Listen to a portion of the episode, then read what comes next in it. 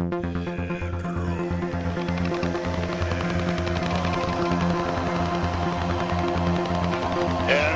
particularly pleased to be sending you this advanced greeting.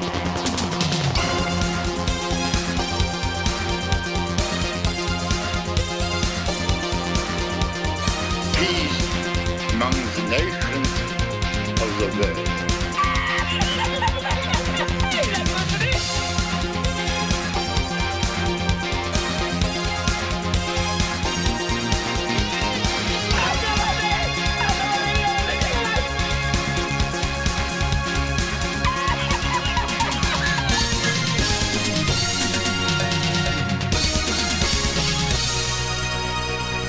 Yes, okej. Välkommen till uh, Pedro och Pekka.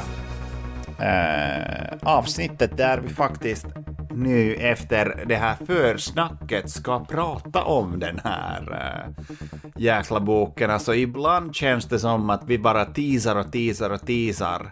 Uh, du vet, uh, flippar liksom. Ja, du vet vad runt där men aldrig, aldrig sticker in den. Och uh, det jag pratar om är en sedel framför en uh, slotmaskin.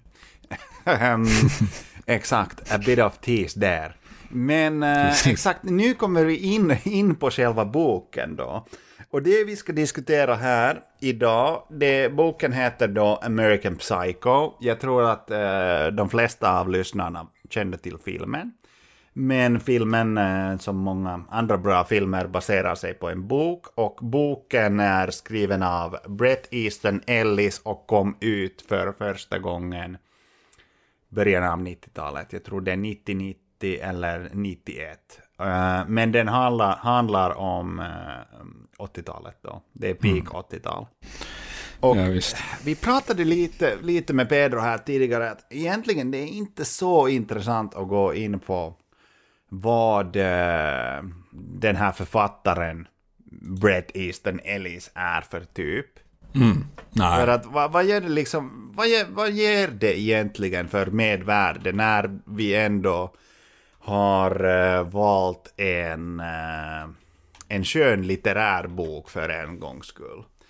Men eh, för er, er som är alltför lata så kan jag säga att Brett Easton Ellis, han är eh, från Kalifornien ursprungligen och eh, född 1964. Eh, hans mest kända verk är då American Psycho och eh, Less than Zero från eh, 1985 som, som var hans eh, debut. Och att, eh, jag vet inte varför det känns väsentligt, men jag säger det ändå, han är gay. Eh, just ja. det. Gay det as kändes... han, han är väldigt gay och politiskt så är han, um, ah, alltså någon typ av vänster. Han, han, är, han, är, han, är, han är liberal, liksom han är en demokrat och um, någon typ av social liberal. Men nog om det, och jag kan bara nämna, han har också en eh, podcast till skillnad från eh, Pedro och Pekka som erbjuder allt det här content till eh, er eh, gratis, så har han bara en Patreon-form. Så att du måste betala aktivt för att lyssna på varje avsnitt av podcasten. Ja, Eh, han behöver inte era pengar heller. Liksom, det är ju en tät man. Det, det, Det är ju det. Men jag och Pedro skulle nog... eh, Ja, visst. Vi skickar, Be- Bengt har en Swish här, Swish-kanal här i, i show notesen så ni kan skicka. Men, eh, det är eh, brist på toskabullar i Knäckebyhult Ja, med andra ord. Så att ja... kan bli. I, i, inflationen har dragit hårt åt toskabullarna i Knäckebyhult. Saltfläsk. men, men, eh, men, men och det, och det jag ska säga här att okej, Brett Easton Ellis, han har varit i olika controversies här eh, under, under åren och speciellt de, de närmaste åren när han skrev en bok, bok som heter White. Och. På något sätt den på samhällelig nivå liksom analyserar vithet i USA och Trumps valvinst, metoo och så, och han har hamnat liksom, det är massa libtards i USA. Ja, han försöker sig på någon form av uh, social kritik liksom. Exakt, exakt. Uh, och det är massa libstart som vill, som vill cancella honom. Men, men vi utgår inte från, alltså, vem skrev den här boken, det är skitsamma. Det är bara, bara för att ni ska liksom kort veta vem det var. Mm, och eh, sen har jag en annan disclaimer nummer två här, att detta blir liksom, ni minns när ni gick på högstadiet och ni fick liksom som uppgift i eh, modersmålsundervisningen att eh, läsa en bok och sen så blev ni liksom, ni, ni hade en, eh, någon typ av tenta eller någon typ av prov om, om det. Så ni fick förklara boken i kronologisk ordning. Ni vet, era, era recensioner av böcker var bara det här hände, det här hände och sen hände det här. Um, det är inte den formen vi kommer att använda här, för att vi är inte på högstadiet längre. Uh, själv har jag ju goda minnen av uh, en bok jag blev tvungen att läsa på högstadiet som hette uh, Robinson Crusoe. som jag blev väldigt förtjust i. Och som innan här så pratade vi lite med Pedro i, i telefon.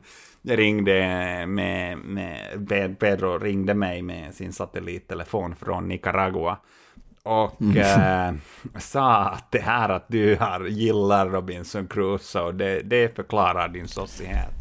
ja, visst. Ja, visst. Ähm, Pekka, alltså det, det är hundra, procent. Mm. Det, det här ledde ju alltså vidare till liksom en... Uh, vi har ju haft ett genomgående tema i de här avsnitten och det skulle vara dikotomin mellan det finns två typer av personer. Och vi representerar de här två typerna av personer. Det finns den här personen som gillar två barnböcker som är fundamentala för uh, hur man ser på livet. Och det är antingen så gillar du Robinson Crusoe eller så gillar du Flugornas herre. Ja, liksom. Så är det. Jag gillar Flugornas herre. Den här jävla sossen, han gillar uh, Robinson Crusoe självklart. En liberalists dröm alltså. Liksom. Ja, visst. Det är ju det, man, man kommer till en öde ö och du vet, man kan bara bygga någonting nytt. Ja, man kan bygga någonting nytt. Det finns inga störningar där. Nej. Mix Förutom my labor with the land liksom och du vet, då blir det en min och så uppsätter jag liksom en, uh, jag vet inte, en produktionsordning. Jag får en arbetare som heter Friday. Uh, men, och humorn med det här som vi sa till Pekka, en, när vi pratade om det här tidigare, att uh, till och med den här ideella fantasin av en, av en värld, liksom, du vet att man kan eh, så här, ha kontroll över sitt arbete liksom och det finns en, en bra, du vet så här, du vet inget våld som utövas över någon annan, liksom man snor ingens land och så vidare. Ändå så finns det en svart man som heter Friday som var där innan liksom och som helt plötsligt man börjar beordra och göra saker. och, och, sen så bara säger man och så börjar man civilisera honom och så vidare. Så även i den här fantasin liksom så finns det alltid någon där. Du vet något element där som sticker ut som stör även i fantasin. Och det är som liksom att, för att du vet, någon måste ju ändå se att man gör bra saker och någon måste som ändå vara under en som man har och liksom, som man eh, dirigerar liksom. Annars så, vad fan är den här fantasin till för liksom? Om inte the big other ser mig så att säga. Ja, och vet du, jag ska bara avslöja för våra lyssnare här, det var exakt detta som hände senast jag besökte Pedro i Nicaragua. och uh, vi hade druckit lite djungelsprit hemma hos honom. Mm, precis. Jag däckade på hans soffa. Jag däckade på hans soffa, jag hade liksom haft min utläggning om hur det är en fantastisk bok och det är exakt så det funkar, att bara du, euro, du får ny mark, du kan bygga upp någonting fint. så och just när jag håller på att däcka på, på hans soffa så kommer Pedro och viskar i mitt öra. But what about Friday? Vad ska du göra med honom? Precis. Han var ju där innan dig. exakt, exakt det händer. Precis. Och efter det, jag har inte kunnat släppa det. Precis. Vad, ju, bara, vad fan what gjorde Friday för fel? Vad var det för fel på hans sätt att leva på? Ah? En jävla sosse. Kom hit. Jag hör, jag, jag hör mig varje gång jag säger att nej, vi skulle kunna bygga något tillsammans. But what about Friday? Det är hemskt. Nu, nu, det är hemskt. Friday is haunting the liberal mind. nog, nog med den derailen. Ja. Um, vi fortsätter in, in på boken här och så här, som jag sa, jag kommer inte att, att dra det här liksom kronologiskt som vi har gjort med andra böcker, för det var fackböcker. Det här är ett skönlitterärt verk, så makes no fucking sense. Ja. Men för er som inte har sett filmen eller alls eh, orkar liksom läsa igenom eller det här vet, har ingen aning om vad det här betyder så kan jag ändå dra en liten synopsis kort på typ 60 sekunder. Och eh, den här boken handlar om eh, en eh, man med en eh, business degree från eh, Harvard. Han heter Patrick Bateman. Han jobbar på ett bolag jag är lite osäker. Det är någon typ av konsultbolag skulle jag gissa. Ja, det är oklart uh, riktigt var han heter... jobbar och vad han gör och vad de han känner gör. Men de är alla vice presidents av någon form ja, för sin ande han avdelning. Han är vice president i ett företag som heter Pearson Pierce. Precis, så heter de. Pearson Pierce. P, P, P och P. Uh, skulle kunna stå för Pedro och Pekka, men det är så sant, är inte tyvärr fallet. Tyvärr inte. Uh, han, han jobbar där, han um, gillar materiella saker, han uh, gillar att gå ut med sina vänner, käka fina middagar. The yuppie lifestyle, peak 80-tal, liksom hela yuppiekulturen. Mm. Sen genom boken så börjar man märka andra sidor av Patrick Bateman, att han är utöver liksom det här jaget som han har på jobbet, så gillar han och uh, våldtar brudar och mördar dem. Inte bara brudar, alltså han våldtar bara brudar. Ja. Men, men han gillar att mörda folk på, ja. på ett väldigt groteskt sätt. Ja. Och eh, genom boken så eskalerar den här spiralen. Och eh, en stor fråga bland de som, de som har läst boken eller eh, sett filmen är, händer det här på riktigt? Det är en riktig normie-fråga som vi kommer att ge svar på i slutet, eh, slutet av eh, det här avsnittet. Så håll i hattarna där, eh, vi kommer dit. Precis. Eh, och för att återkoppla till det, den här boken börjar med ett fantastiskt eh, citat från eh, bandet Talking Heads med deras låt Nothing But Flowers som, het, som går så här. And as things fell apart, nobody paid much attention. Mm. Så att man kan ju tänka även därifrån, things falling apart, vad är det egentligen som händer i Patrick Batemans uh, ja, precis. hjärna, så att säga. Ja, Hade du någonting att tillägga om uh, det här i stora drag om boken, eller tyckte du att min uh, utläggning här, min, min korta ja, så vi kan ju fylla på, synopsis var... Vi kan ju fylla på emellanåt med liksom vars man är i storyn och så vidare, men i övergripande drag liksom. Det här är en man som har vänner, eller kanske mer rättare sagt bekanta, liksom, som man umgås med. De går mycket på middagar. När de inte är på middagar så planerar de var som ska gå på middagar. Uh, liksom hur de ska ta hand om sina kroppar, uh, typ uh, vad för saker man har på sig, mycket jämförelser med varandra. Uh, åker mycket i taxibilar eller i transport till och från saker om man inte är där man är. Uh, det är lite sådär och sen så sker det ju som liksom ett avslöjande liksom över tid eller där han berättar mer och mer av sin inre dialog liksom där. Ja, det börjar framgå kanske att han har ett dubbelliv liksom, eller att han åtminstone har liksom, beroende på hur man vill tolka den här boken, liksom, alltså att eh, det finns ett glapp mellan hans inre liv och hans varande liksom som en, jag vet inte, en offentlig person, liksom, eller person med relationer till andra liksom. Och sen så blir det ganska, eh, eskalerar ganska ordentligt sen mot slutet liksom, eller midway point.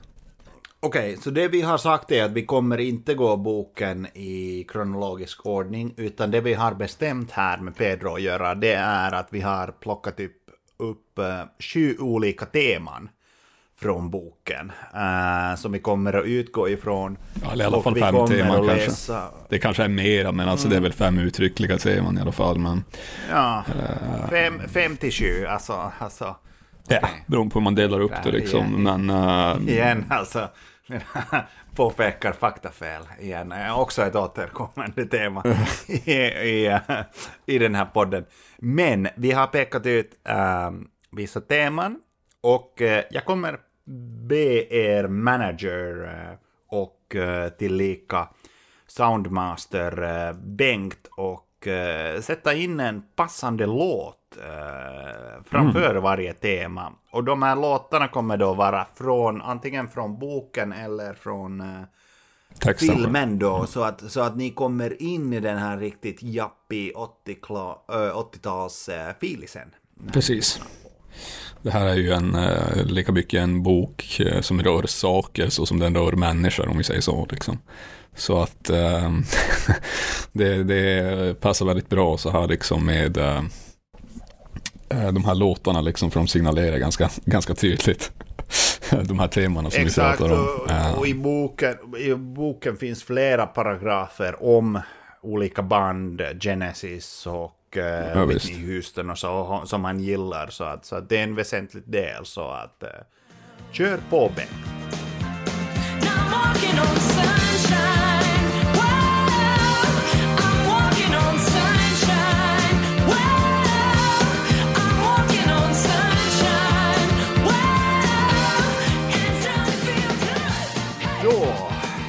Dags för första temat som eh, vi har valt ut här som är neutral och likgiltighet.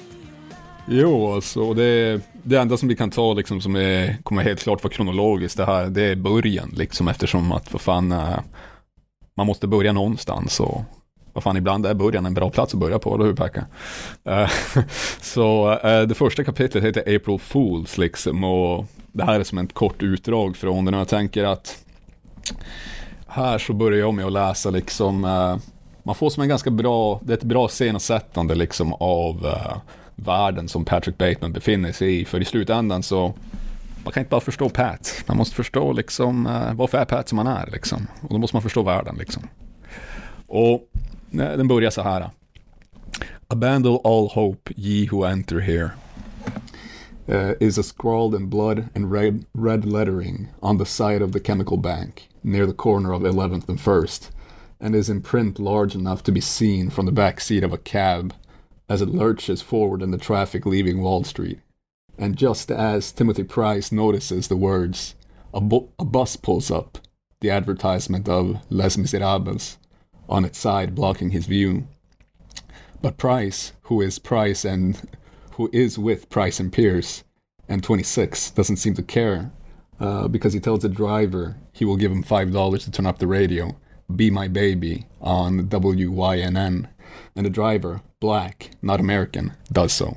En väldigt viktig distinktion där. Uh, svart men inte amerikan. Uh, I'm resourceful, Pierce is saying. I'm creative. I'm young, unscrupulous, highly motivated, highly skilled. In essence, what I'm saying is society cannot afford to lose me. I'm an asset. Pierce calms down continues to stare out the cab, the cab's dirty window, probably at the word fear sprayed in red graffiti on the side of a McDonald's on 4th and 7th. I mean, the fact remains that no one gives a shit about their work. Everybody hates their job. I hate my job. You've told me you hate yours. What do I do? Go back to Los Angeles? Not an alternative. I didn't transfer from UCLA to Stanford to just put up with this. I mean, I'm alone in think. Am I alone in thinking we're not making enough money?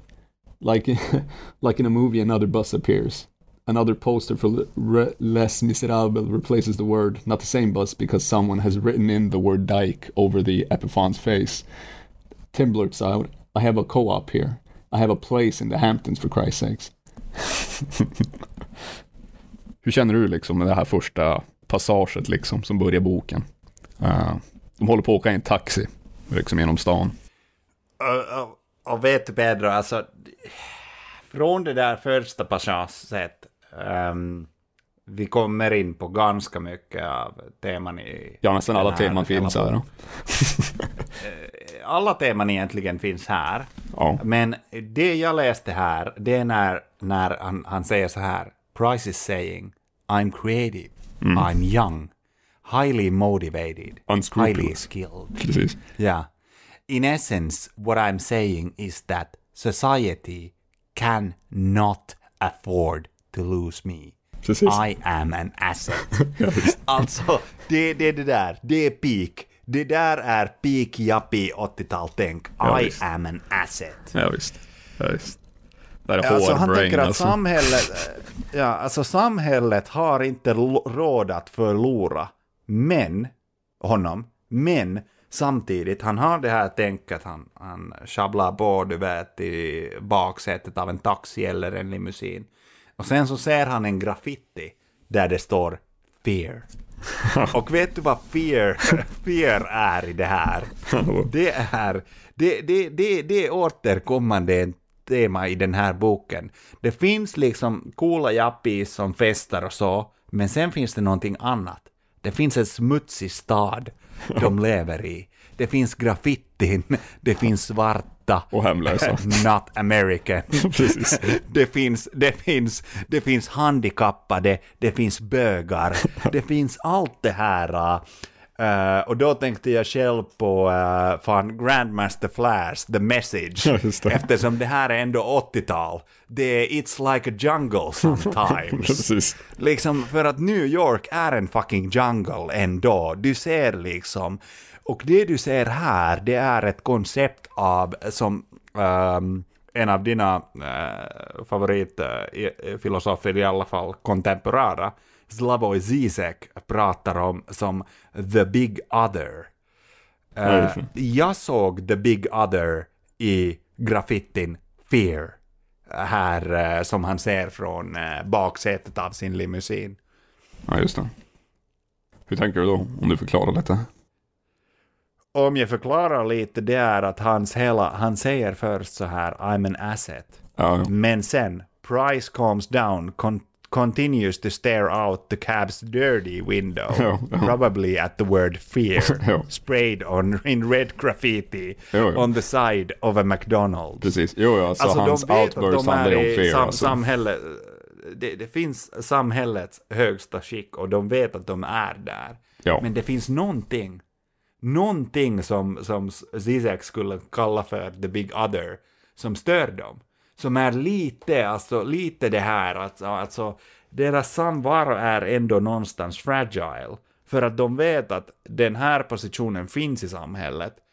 Men samtidigt tittar jag ut i sam- samhället bakom den här liksom smutsiga rutan. Ja. Så finns det mycket mer där.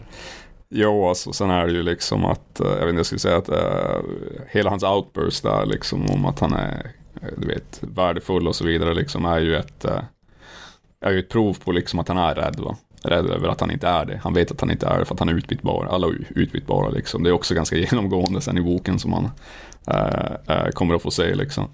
Eh, men uh, vad var det jag tänkte? Ja. Alltså sen är det ju liksom vad fan ska man säga, liksom, de glider ju du vet genom den där världen i en taxi, så de glider ju igenom friktionsfritt, va? Liksom, de är som nästan turister. Va?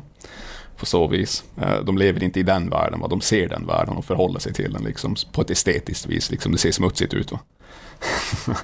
så eh, ja, det finns också där. Eh, Men Men samtidigt, den där världen är inte utan störningar. Han ser graffitin, han ser smutsiga fönstren och han ser the word dyke. Han skriver över liksom Les Miserables poster precis. som uh, han eh, åker förbi. Ja, så här tänker jag nästan lite att, eh, alltså vad ska man säga, det är, eh, eh, först så kommer, alltså det är två bussar liksom, det är mycket två av saker, att det dubblas upp liksom. Två, två fall av graffiti liksom så här, eh, uh, ja, all hope uh, ye who enter here liksom, abandon all hope ye who enter here liksom. Eh, den meningen och fear liksom, det är dubbletter av varandra i princip va. Eh, den första bussen är en dubblett av den andra bussen, samma message, samma typ av buss, bara det att det är graffiti på den andra liksom. Eh, de två personerna i, i, i baksätet är, har samma jobb, klär sig på liknande vis, med dubbletter av varandra. Va? Det är mycket dubbletter överallt, va? dubblingar av varandra. Och det visar ju också att saker är instabilt, men också meningslöst på sätt och vis. Eh, men för dem, va? men det kan, finnas som, eh, kan ju som finnas med där i, liksom, alltså, just det här med graffitin är ju som ett, ser jag lite grann i alla fall, som ett, eh, Ja, det är, ett, det är en attack på de här likgiltiga och neutrala platserna liksom som bara har, du vet, så här, jag vet inte, väldigt uh, så här neutered eller könsstympade messages som ämnar att sälja produkter till folk endast liksom så här. Uh, byggnaderna är väldigt symmetriska och fina liksom, men de säger ingenting, de är som blanka blanka ytor liksom som folk bara ska vistas i. Liksom väldigt kallt alltså. Men vet du, jag tror faktiskt att de ska vara likgiltiga de platser, men överallt när de beskriver stan i den här boken så är de inte likgiltiga, utan det finns störningsmoment. Det finns svarta människor, det jo, finns bögar, världen, världen det finns handikappade. Världen är ju likgiltig mot dem. Det spelar ingen roll, de är där. De får vara där. Ingen hjälper dem alltså. Ja, fast jag tror att det stör Bateman. Ja, alltså det står, de på, det står de på ett estetiskt plan. Ja, men det påminner dem om The Big Other. Alltså att det finns vi och dem. Vad är det du menar med Big Other då, liksom, för då begriper jag inte riktigt. Det, det jag faktiskt, jag tror att jag menade, det är othering. Ja, uh, okej, okay, precis. Det finns vi och dem. Ja, ja, ja. ja, ja. Det är exakt det du menar. Ja. Precis, the othering. Har du hört begreppet interstitial?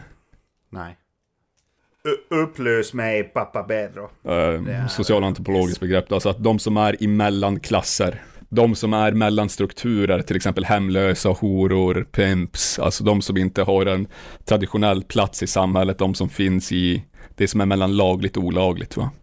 De anses oftast vara smutsiga och farliga liksom och man måste hålla dem inom karantän så att de inte sprids i resten av samhället. Va? Det här är sådana grejer som går tillbaks till från det vi var primitiva stammar till idag, liksom som är strukturer som finns. Va?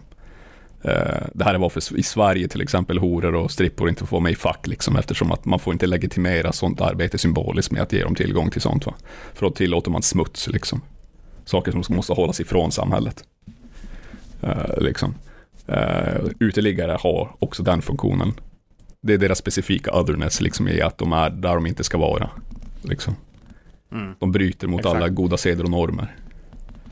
Exakt, och som, som vi kommer att se i det här uh, avsnittet så är riktas ofta uh, Batemans våld och uh, de här saker han gör mot others, mot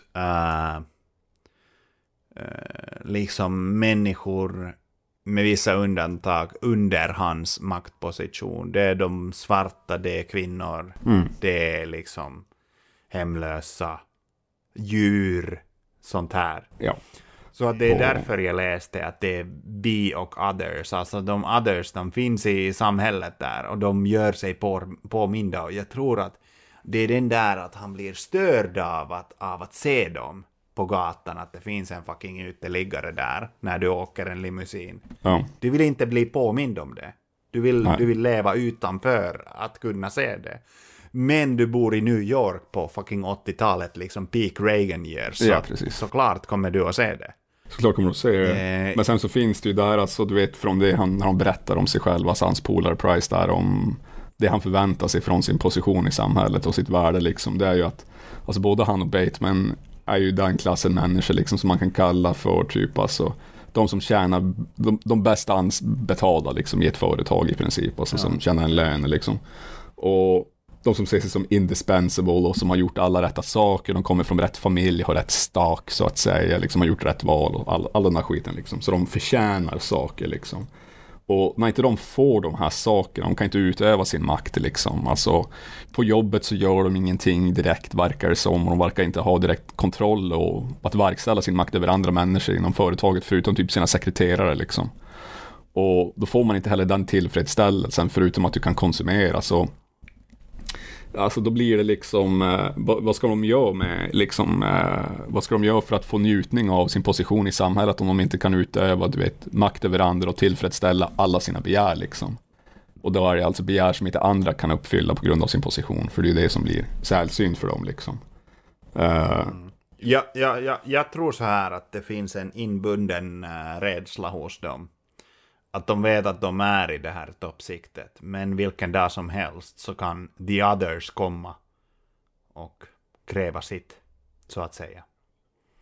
Jag vet inte, alltså jag tror rä vars rädslan är liksom är att dina peers inte ska se dig som en av dem. Liksom att du inte kan tävla mot de andra i din klass. För det de gör mycket är ju att tävla mot varandra genom du vet vilka saker de har och jag vet inte vad de strävar efter och sådär. Och jag vet inte, typ, ja men du vet när de är ute och uh, kör koks eller plockar horor och sådana där saker, liksom, då får de som utöva någon minimal form av makt som de blir nöjda över. Fast i slutändan så blir det inte ultimat eftersom att du vet, de har ändå köpt sig till det. Andra människor kan ju också bara köpa sig till om de har pengar liksom. Och andra människor i deras klass kan definitivt göra det. Och då kan de inte imponera på andra som är som dem. Så man måste ju hela tiden göra mer saker va. Och det är det här lite de tävlar Exakt. i liksom. Och då kan man ju läsa in varför Bateman gör det han gör va. Varför har han ett dubbelliv? Mm. Kanske så att han kan utöva, och. du vet, makt och all kontroll han har som han inte får utöva annars. För att det perfekta med det sättet han kan utöva sin makt och sin position, det är att ingen skulle tro att han har gjort sådana här saker på grund av vem han är. Han är en så kallad så här, a citizen above suspicion, liksom. Det finns en film som heter så. Uh, där en polis begår massa mord för att se liksom ifall, i en italiensk film, en polischef begår massa mord för att se ifall han skulle kunna bli misstänkt och de tar honom. Men det händer inte för ingen misstänker att han skulle kunna ha gjort en sån sak. Även fast allting pekar mot honom. Han lämnar massa spår och så vidare. Där Bateman är lite samma sak. ja, och eh, apropå Bateman där. Eh, jag tror att vi fick en bra inblick till vad är det för värld, vad är det för umgänge Bateman eh, Bateman är. Men, men vad är Bateman? Och då skulle jag vilja ta upp uh, kanske det mest kända citatet. Ja, den är med i eh, filmen till och med också. I princip ordagrant Den alltså. är med i filmen, men, men, men, men precis. Vill du köra den, uh, Pedro, om du läser den och sen så kan vi reactlåda lite på den. Just det. Ska se då.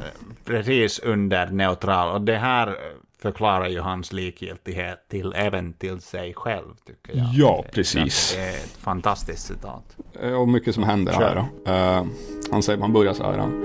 There is an idea of a Patrick Bateman, some kind of abstraction. But there is no real me, only an entity, something illusory. And though I can hide my cold gaze and you can shake my hand and feel flesh gripping yours, and maybe you can even sense our lifestyles are probably comparable. I simply am not there. It is hard for me to make sense on any given level. Myself is fabricated, an aberration. I am a non contingent human being. My personality is sketchy and unformed. My heartlessness goes deep and is persistent. My conscience, my pity, my hopes disappear a long time ago, probably at Harvard, if they ever did exist. Uh, there are no more barriers to cross all I have in common with the uncontrollable and the insane, the vicious and the evil, all the mayhem I have caused, and my utter indifference towards it, I have now suppressed. I still, though, hold on to a single bleak truth. No one is safe, nothing is redeemed. And yet I am blameless. Each model of human behavior must be assumed to have some validity. Is evil something you are, or is it something you do? My pain is constant and sharp, and I do not hope for a better world for anyone in fact, I want my pain to be inflicted on others. I want no one to escape. Even after admitting this, I have, countless times, in just about every act I've committed, and coming face to face with these truths, there is no catharsis. I gain no deeper knowledge about myself, no new understanding can be extracted from my telling. There has been no reason for me to tell you any of this. This confession has meant nothing. Det är citatet. Det är fan... Eh, tack Pedro, alltså det, det var eh, fint läst. Och det, det där är ju... Um, när man läser den från boken så är den ju, den är ju ännu längre än den är i jo, ja. Precis. filmen. Exakt. Och det är fan, det, det är ju det här citatet som förklarar, det, jag ska tillägga att det här kommer riktigt i slutändan i boken. Jo. Patrick Bateman börjar mer reflektera över sig själv Who is Patrick Bateman? Exakt. Vi kör en typ uh, av Tarantino-cut här mellan början och slutet. Liksom. Bam, bam, på precis, en gång. precis, precis, precis. Men det här förklarar ju honom ganska mycket som en människa, tycker jag. Mm -hmm. När han säger But there is no real me, only an, an entity. Mm. Alltså, eh, han har nått den graden av uh, han är. Självkännelse liksom. Att, att han, eh, han, eh, han känner bara att han, han finns inte längre. Och vet du, det, det är det här, det är det här, det, det är det här som jag tror att väldigt många som, ni vet folk som postar oironiskt in på LinkedIn ja. och skriver poster som, det här är ett exempel post. Mm. Har du barnasinnet kvar? När min mamma såg årets julkort skickade hon en bild på mig från vår familjesemester i Florida i julen 1994. Vissa saker har förändrats, andra inte. Mm, och sen en massa roliga emojis. Och när jag såg det där inne på min LinkedIn, jag blev så, finns den här människan på riktigt? Ja. För Bateman är ju den där snubben som skriver såna cringiga saker och har klättrat upp i ett träd som 38-åring. och har postat den tillsammans med en bild från 94. Ja. men, men Bateman har självinsikt. Det är det. Och det är det de här, uh, usually de här business eh, administrations masters snubbarna saknar. Precis. Och det är exakt det. För det här är en, det här är en kille med business masters som har självinsikt. Som inser att allt det han gör, allt det han konsumerar, han har valt en lifestyle, en livsstil och tror att det är hans liv. Ja, Men livsstil och liv, det är två skilda saker. Du kan välja en livsstil, du kan välja att okej, okay, jag ska vara en uh, fucking stockbroker i, på, på Wall Street i New York och jag ska gilla si och som där saker. Men att man börjar skapa sin personlighet utgående från det där, alltså till slut så blir man ju ingen människa alls. Ja, fast jag skulle säga att eh, det Bateman förstår är ju att det är det enda som spelar roll va? på något vis. Va? Det är ju det, det, problemet är att han blir deprimerad av det liksom. För att i slutändan så Uh, vad ska man säga? När han säger så här mot slutet till exempel, liksom att uh, this confession has met nothing. Uh, det är sant liksom objektivt att det inte gör, men subjektivt för honom så spelar det roll eftersom att han fortsätter att göra det. Liksom. Han fortsätter också att göra det eftersom att han på något plan känner sig skyldig också. Liksom. Och det är för att jag tror att han är en humanist. Va? jag pratade om det lite tidigare liksom. Uh, ja, vi, vi kommer... Han känner, det han känner ju kommer, smärta liksom. Det är därför han uh, håller på att prata om de här sakerna liksom. Uh, I någon mening då. Exakt, och det är ju någonting. Men uh, Pedro, jag vill tacka för den, den uh, fina läsningen av det där mest kända citatet. Men jag tror att jag har hittat i uh, Ja, ganska mycket boken, mer på, uh, på det här citatet har jag sjukt lång analys. jag säger det alltså. Okej, okay, hur? Ja, nej, alltså att hela, alltså, för mig alltså på, det här är under alltså temat vi kallar du vet neutral och likgiltig och så vidare. Va? Men eh, just den här dialogen tyckte jag är ganska specifik, eh, kan man kalla liksom artificialitet och autent autenticitet. Jävla går mitt ord där på svenska vet du. Authenticity. Uh, du vet, alltså när han pratar om there is an idea vänta, Patrick vänta, vänta, vänta, inte, inte lika gormigt som runkheten. Runkheten, det är ett... Uh, det, det, det är du vet, masterclass-ord liksom. Runkheten. För, för, för, för de frekventa lyssnare som vet ni vad vi pratar om. Ja, Men nej, kör på. Autenticitet, autenticiteten. Precis, och artificialitet va. Uh, alltså när han pratar om den här första meningen, liksom att there is an idea of a Patrick Bateman. Och sen säger att uh, det finns inte, det är bara en abstraktion, en entity, something illusory, liksom att det är uh, det finns bara en yta, det finns inget djup. Va, liksom. Så, eh, för mig, liksom det jag ser på en gång är ju att det här är en alltså, humanistisk, eh, en humanistisk vy av sig själv och världen. Antingen att författaren har det eller att Patrick Bateman själv har det på sig själv. Va? Eller både och, liksom. mest troligen både och. Va? Men det är liksom det här jag menar att eh, det, det han längtar efter Bateman, liksom, varför han håller på med den här bekännelsen är att han vill känna sig dåligt för de sakerna han har gjort på något plan. Han vill känna sig autentisk. Han vill få katarsis från, du vet, att han har begått mord och bekänt det liksom sen att, du vet, det blir en upprättelse liksom. Jag har, eh, eh, om, om vi går vidare här, eh, så har jag en eh, till quote som jag tycker beskriver ganska bra hans eh, likgiltighet och eh, Ja. ja, hans mental state egentligen. uh, till världen och uh, ni som uh, går på antidepressiva eller ni som har såna här S-tankar så att säga. det är kanske bra att hoppa, hoppa några minuter fram i podcasten för att det här är fan det mest sval, svart pil, pillrad tagning som jag har läst på väldigt länge. Men samtidigt en av de absolut bästa citaten från hela boken och eh, jag kan bara eh, förundra mig över varför man inte tog den här med i filmen. Men den går så här. While taking a piss in the men's room I stare into a thin web-like crack abo above the urinals handle and think to myself that if I were to disappear into that crack, say somehow miniaturize and slip into it, the odds are that no one would notice I was gone. No one would care. In fact, some, if they noticed my absence, might feel an odd, indefinable sense of relief. This is true. The world is better with some people gone. Our lives are not all interconnected. That theory is a crock. Some people truly do not need to be there. Mm. Ja visst.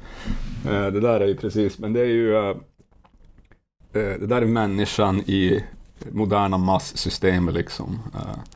där inte spelar, där inte spelar någon roll, men det är mer extremt för honom liksom. Alla är så jävla utbytbara och man förvirrar varandra med varandra liksom. Och, men hans, det, det, eh, det finns ju två sätt att se på det där lite grann, tänker jag.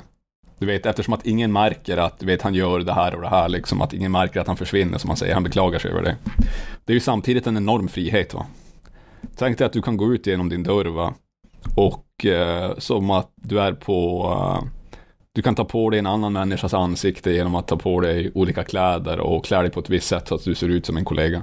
Liksom i en sådan värld liksom där folk har, det här är ju en extrem version då av våran värld, som man i sena sett det där liksom, där det har blivit så att det är så förvirrat. Att eh, vi är bara vi är bara identifierbara om vi har rätt uppsättning saker som är förväntat att vi ska ha. Om vi inte har det så ser vi ut som någon annan helt plötsligt. Va? I en sådan värld liksom, så är det skänkt enorm frihet som man ibland utnyttjar i boken. För att mörda folk liksom, eller våldta folk. Och så vidare. Och det är just den aspekten av frihet som kan, om man skulle använda det på ett helt annat sätt, skulle kunna göra ganska intressanta saker. Liksom, va? Men han är inte av den typen att göra det. Va? För han vill bara tillfredsställa sig själv och konsumera, inte bara produkter, men saker och människor. Liksom. Vänta, jag ska säga någonting här att uh, det här citatet som jag läste upp, den kommer tidigare in i boken än uh, den uh, mest kända som mm. Pedro läste upp. Uh, den kommer helt i slutet av boken. Precis. Och i det här citatet säger han att “Some people truly do not need to be there”. Men i det du läste säger han “I simply am not there”. Och då tänker jag att det har hänt någonting mellan där. Att här ja. han ponerar, ja. vad om jag inte was there? Och i, i slutet av boken han börjar inse I simply am not there. Mm. Ja. Ja, alltså man kan se det som en utveckling, alltså, eller alltså en inte en utveckling, som en progression en, liksom i... Uh... Me, me, me, metamorfosis. Precis.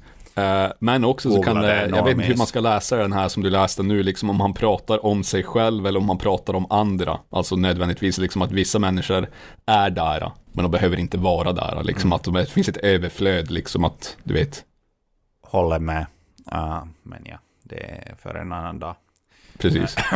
Mm. Men att liksom att istället för dem, du vet, de här useless fucking people som bara är här och de behöver inte vara här, medans jag är här, eller jag tycks vara här men jag är egentligen inte här liksom. Alltså att uh, jag tyckte det är som en rolig dikotomi liksom. Uh, ja. Uh, att han är ständigt frånvarande liksom. så som han känner det va, men Ja, nej, det är, ett, det är ett ganska intressant citat. Jag hade nästan glömt bort det där tills du nämnde det. Alltså. Ja, det, herregud du vet, alltså. Det, de viktiga sakerna i ens liv sker på toaletten oftast. Vet du. Det är så. Det är då man kommer till uh, de djupa insikterna. men, vet men, vänta, vänta, vänta. Alltså, alltså för att ha en mer humoristisk take på den här blackpillen vi har just nu svalt. Alltså tänk situationen att du, du är fan i New York eller fan i Stockholm, whatever. Och du sitter i en, liksom och pissar i en toalett. Och sen så börjar du bara fundera över ett litet hål som finns i väggen. Ja. Tänk om jag kröp in i den. Tänk om jag inte fanns. Ja. Det någon jävla roll alltså. Det är fan fucking mörkt mannen. Ja. Alltså sl sluta. ja men det, alltså, det är fullt rimlig tanke, du vet, jag har kört lite för mycket koks den dagen och supit sådär och sen så har du massa polare som du inte respekterar alltså. Det finns en snubbe du respekterar och det är han som knullar din brud liksom sådär. Och du respekterar honom delvis just för att han knullar din brud. Väldigt intressant förhållande. Så den existensen säger till mig liksom det Sartre säger om folk, hell as other people liksom. Och då förstår jag liksom att ibland bara, fan, och han måste på något plan förstå att han suger också ganska mycket eftersom att han har ju attraherat de här jävla människorna. Liksom. Så det, det är ju inte för inte de hänger med Bateman liksom.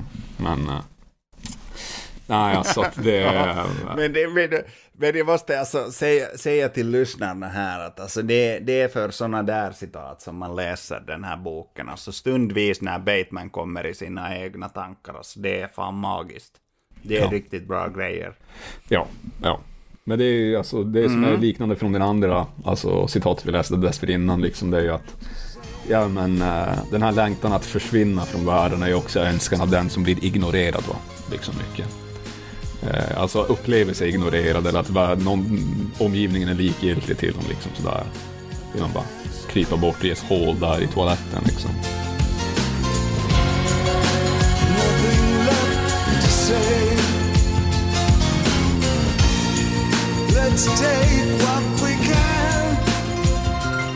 Yes, och då kommer vi till andra, det andra temat här i boken som är eh, materialism och funktionalism. Inom parentes peak 80-tal. Det är eh, Batemans obsession med eh, olika typer av objekt som han äger eh, i sitt hem. Uh, och då tänkte jag, det finns en eh, uh, hel kapitel i boken som är bara ett enda paragraf, typ tio sidor eller så, där han bara listar olika saker han äger. Och det här är någonting som är väldigt uh, peak Patrick Bateman, det är att han är liksom egentligen någon typ av mänsklig Excel-blad. Eh, han bara kan lista upp olika saker han äger, deras modeller, hur många av dem han äger. Det är, eh, det är som... Eh, ja, ja, ja, precis.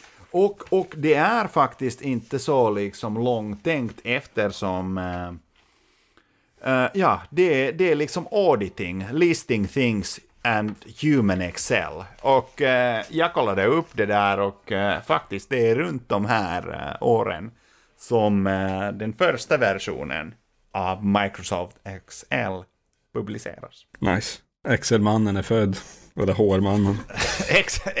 Excel-mannen är född i samband med HR-mannen. Ja, just, de är samma och, person. Eh, det, bara för att ge ett exempel av det här, det finns liksom i boken flera stycken eh, kapitlar när man, han beskriver olika saker, alltså deras former, vad de har för modeller och så.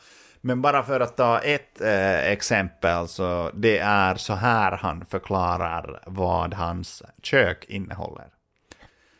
I retrieved the copy of USA Today that lies in front of my door in the hallway and bring it with me into the kitchen where I take two Advil, a multivitamin, and a pot- potassium tablet, washing them down with a bottle of Evian water since the maid, an elderly Chinese woman, forgot to turn off the t- uh, t- uh, to turn on the dishwasher when she left yesterday.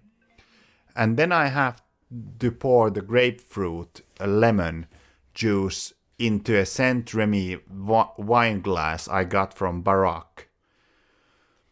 Uh, I check the neon clock that hangs over the refrigerator to make sure that I have enough time to eat breakfast unhurried.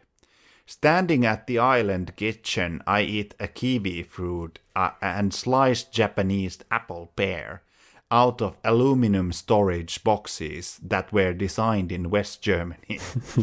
I take a bran muffin, a decaffeinated herbal tea bag, and a box of oat bran cereal from one of the large glass front cabinets that make up most of an entire wall in the kitchen. Complete with the stainless steel shelves and sandblasted wire glass, it is framed in a metallic dark grey blue. I eat half of the bran muffin after it's been microwaved lightly and co- covered with small, small helping of a- apple butter. A bowl of oat bran cereal with germ soy milk follows. Another bottle of Evian water and a small cup of decaf tea later. Next to the Panasonic bread baker and next to the Sultan coffee uh, maker is Cremina Sterling Silver Espresso Maker, which is oddly still warm. That I got from Hammer... Ah, ja, och så. Det fortsätter så i evigheten. Jaha. Det är, uh, ja. objekten tar, uh, tar center stage om man säger så va. Det är uh, oftast liv. de som är viktiga i samtal med andra människor också liksom. Alltså att, uh, sådär, men det är också likt, jag vet inte, de som har inte, läst kanske men känner till Marquis de Sade i någon av hans böcker kommer jag ihåg där när de skriver om Eh, Eh, så här, sexuella akter liksom och alltså att de har, de är libertiner liksom så de har gått till the limit liksom med det. Så har de så här orgier med typ, jag vet inte, otaliga mängder människor och sen så beskriver han liksom hur alla människor är länkade ihop med varandra i typ en enda lång fucking fucking tågorgie liksom, när de sitter ihop och knullar med varandra samtidigt liksom. Och det blir som bara ett uppradande av index, liksom sådär på samma sätt av kroppsdelar och människor som sitter ihop med varandra på samma vis liksom. Makes no fucking sense till slut. som samma effekt till slut va. Man bara, oh shit. Fan vad grejer han har. ja, herregud. Jo, nej, det är... Men det det är så här, alltså vem vet till exempel, du som sitter och lyssnar, vet du exakt vilken eh, mikro du har hemma? För Bateman vet. Han vet att han har en Sharp Model R 18110A Carousel 2 microwave oven with revolving turnable turntable, which I use uh, when I heat up other half of the brand muffin. Ja, just det är för att uh, Bateman vet liksom att uh, de här sakerna, de är jävligt viktiga för att de säger vem jag är liksom. Så att uh, du, bäst, tror fan jag vet vad de här sakerna är. För det här är för honom, du vet, det är för grekerna förut, det de kallade för self-knowledge, liksom. Det var att, du vet, vet, vet, känna till sig själv på ett filosofiskt plan. Men för Patrick Bateman så betyder know thyself betyder ha ett index på alla objekt du äger. det, ja, det är jävligt ja. roligt. Herregud. Uh, men uh, jag tänkte när jag läste, eller när du läste den där så tänkte jag på, det finns en liknande scenario liksom, uh, jag vet inte om det är tidigare eller senare i boken, men uh, om du minns så här, du vet när han kommer in på, på gymmet, eller the health club, eller vad fan han kallar den, du vet när han ska gymma och så vidare. Och, och så beskriver han liksom invändigheten av, av gymmet, liksom alla maskiner den har, du vet, kommer du ihåg det där? Uh, typ, uh, vad fan, jag ska se om jag hittar det här citatet. Han började räkna upp liksom, det är fucking hilarious. Uh, för det är lite... Ja, ja, nej, nej, nej. Vi, vi kommer, angående gym, vi kommer komma in till det sen, lite senare här i uh, avsnittet. För att uh, där har jag faktiskt gjort lite detektivarbete. Och, ja, men jag ska inte, det är inte, inte det jag pratar om, det här är ett annat citat. Liksom. Det här är alltså, du vet, när han kommer in på gymmet, det här är inte när han pratar om sin regim, det här är liksom, alltså, han säger så här, The health club I belong to, exclusive, is private and located four blocks from my apartment on the Upper hillside, Upper Hill West side. In the two years since I signed up as a member, it has been remodeled three times, and though they carry the latest weight machine, Naturalist, Universal, Kaiser.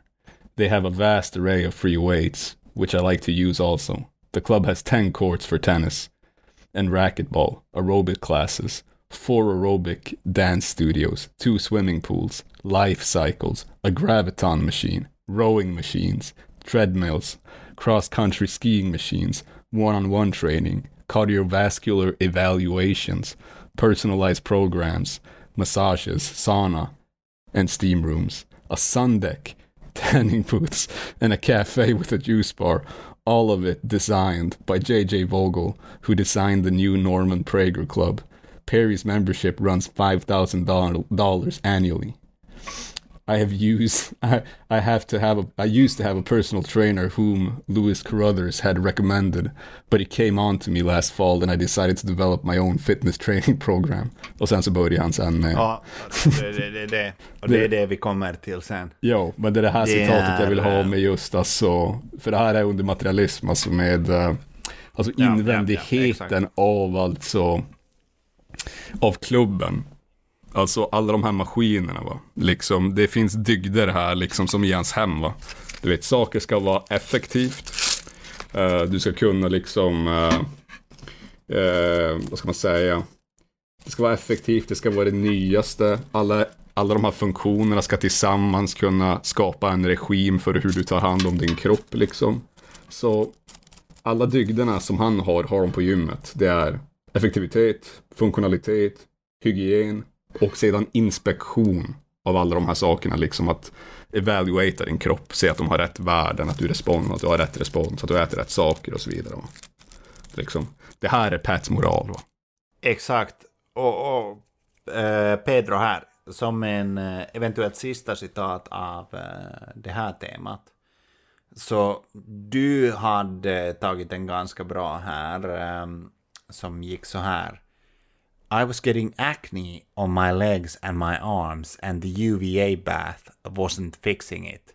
So I started going to tanning salon instead of getting rid of it. Jesus Bateman, you should see my rip, how ripped my stomach is. Mm. Och det är ju när han pratar med Tim, uh, hans kollega då, Bateman, uh, vars uh, abs are totally ripped. Ja, tydligen.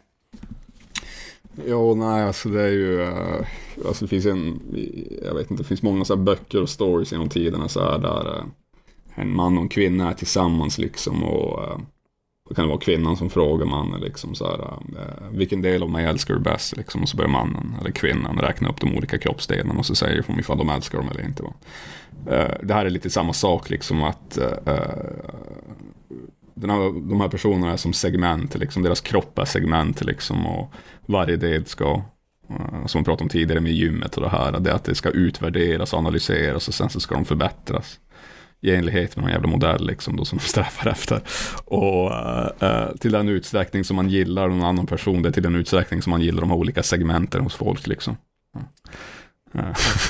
det är jävligt. Alltså det, det, det är jävligt roligt för kroppen blir som ett, så här, ett estetiskt och funktionellt system liksom. Och på sätt och vis så vet, måste du konsumera massa olika objekt för att din kropp ska bli så här. Du måste köpa ett gymkort, gå till ett gym, du måste äta rätt saker. Då, så här, literally consume rätt saker. Eh, men sen så vill du efter att du har den här bra kroppen och fixat till all akne med UV-ljus och så vidare så vill du gå ut och visa upp din kropp och framträda med, med andra människor liksom, så att de ser din kropp. Så att andra människor kan se dig liksom och så att du kan konsumera deras respons liksom och bli glad över att de ser, bara dyrkar din kropp liksom. Och sen så kan du se dig själv i foton där du sedan kan vara glad över din kropp liksom. Så det, är väl, det verkar vara på det planet de här grabbarna rullar liksom. är fett nice. Ja, men det, det väntas. But with a UV bath, he will soon be perfect. Precis. Ja, det är också illusionen där om att det någonsin kan bli perfekt. För, uh, det, du vet, du vet det, det, är det som är grejen, liksom, att när du väl har uppnått det perfekta, liksom, det du tror är det perfekta, då inser du liksom att nej, det var ju inte perfekt. Liksom. Det finns mer saker att fixa till här. Det blir aldrig perfekt. Liksom. Jag trodde att jag skulle vara nöjd med 24 centimeter, men uh, jag vill ha två till. Ja, visst. nej, alltså det där, det där går. Om jag skulle tappa ett par kilo till liksom. Men sen så inser man att nej, jag tappar de där kilon, men jag ser ändå inte bättre ut. Ja, nej det stämmer. Uh, vad tror du Pedro? Ska vi gå vidare till uh, tema tre? Miss Recognition. Ja, uh, alltså, jag kom bara på den här som var fett roligt. Uh, uh, alltså, efter att han har varit i det här jävla gymmet liksom och bara pumpat så, så ska han ju liksom, du vet, uh, hyra filmer som han gör hela tiden. Ja. Jag, alltså, jag vet inte varför man ska ha det här liksom, men den här jävla scenen när han skriver så här att, du vet, since pornography seems seems out of the question, I browse through light comedy and feeling ripped off, settle for Woody Allen movie, but I'm still not satisfied. I want something else. I pass through rock musical section, nothing. I then find myself in horror comedy, ditto. And suddenly, I'm seized by a minor anxiety attack. There are too many fucking movies to choose from. I duck behind the promotional cardboard display. Exakt. eh, det, som, det jag gillar här liksom är att för det första att han får, det, det liksom, han känner en ofrihet på grund av att det finns för mycket jävla val alltså, av konsumtionsvaror här. Men också att eh, du, kan, du kan hyra Woody Allen-filmer bredvid pornografi, liksom, att de är på samma nivå. Det finns inget högt och lågt numera. Och eh, jag vet inte, jag, jag älskar dig på något vis. det är så jävla weird. Det är det som är det positiva i postmoderna världen. Det finns inget högt och lågt med mig. Liksom, att alltså, allting är sida vid sida. Liksom. Nej, det är sant.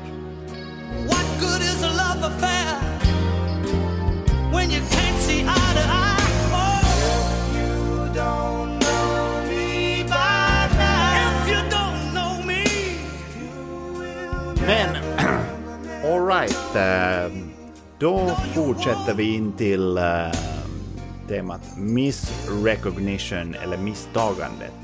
Ja, feligenkänning. Ja, man ska säga många feligenkänning. Och här, här bara för att lighta upp uh, stämningen här i podden så har jag en, en extremt bokstavlig uh, tolkning av feligenkänning. Det här är när Pierce och Bateman sitter i en taxi och bara sitter och samtalar. Och det här är Pierce då som säger detta. Uh. Diseases, he exclaims. His face tense with pain.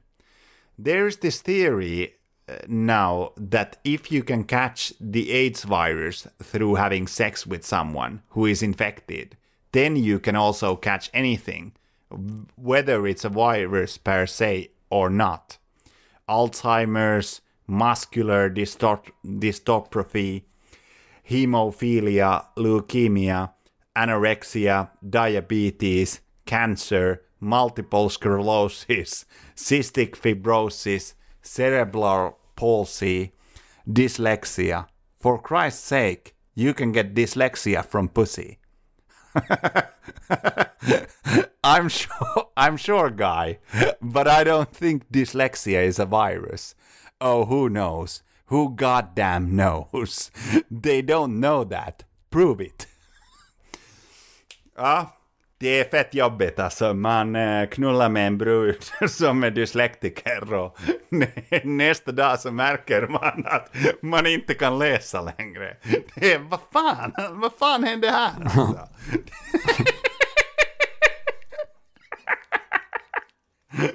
otroligt bokstavlig tolkning av dyslexia, men det är tydligen så här det funkade när man hade liksom eh, så här peak uh, aids-rädsla uh, på 80-talet så tänkte man bara att shit om jag slickar hennes punani så får jag dyslexia.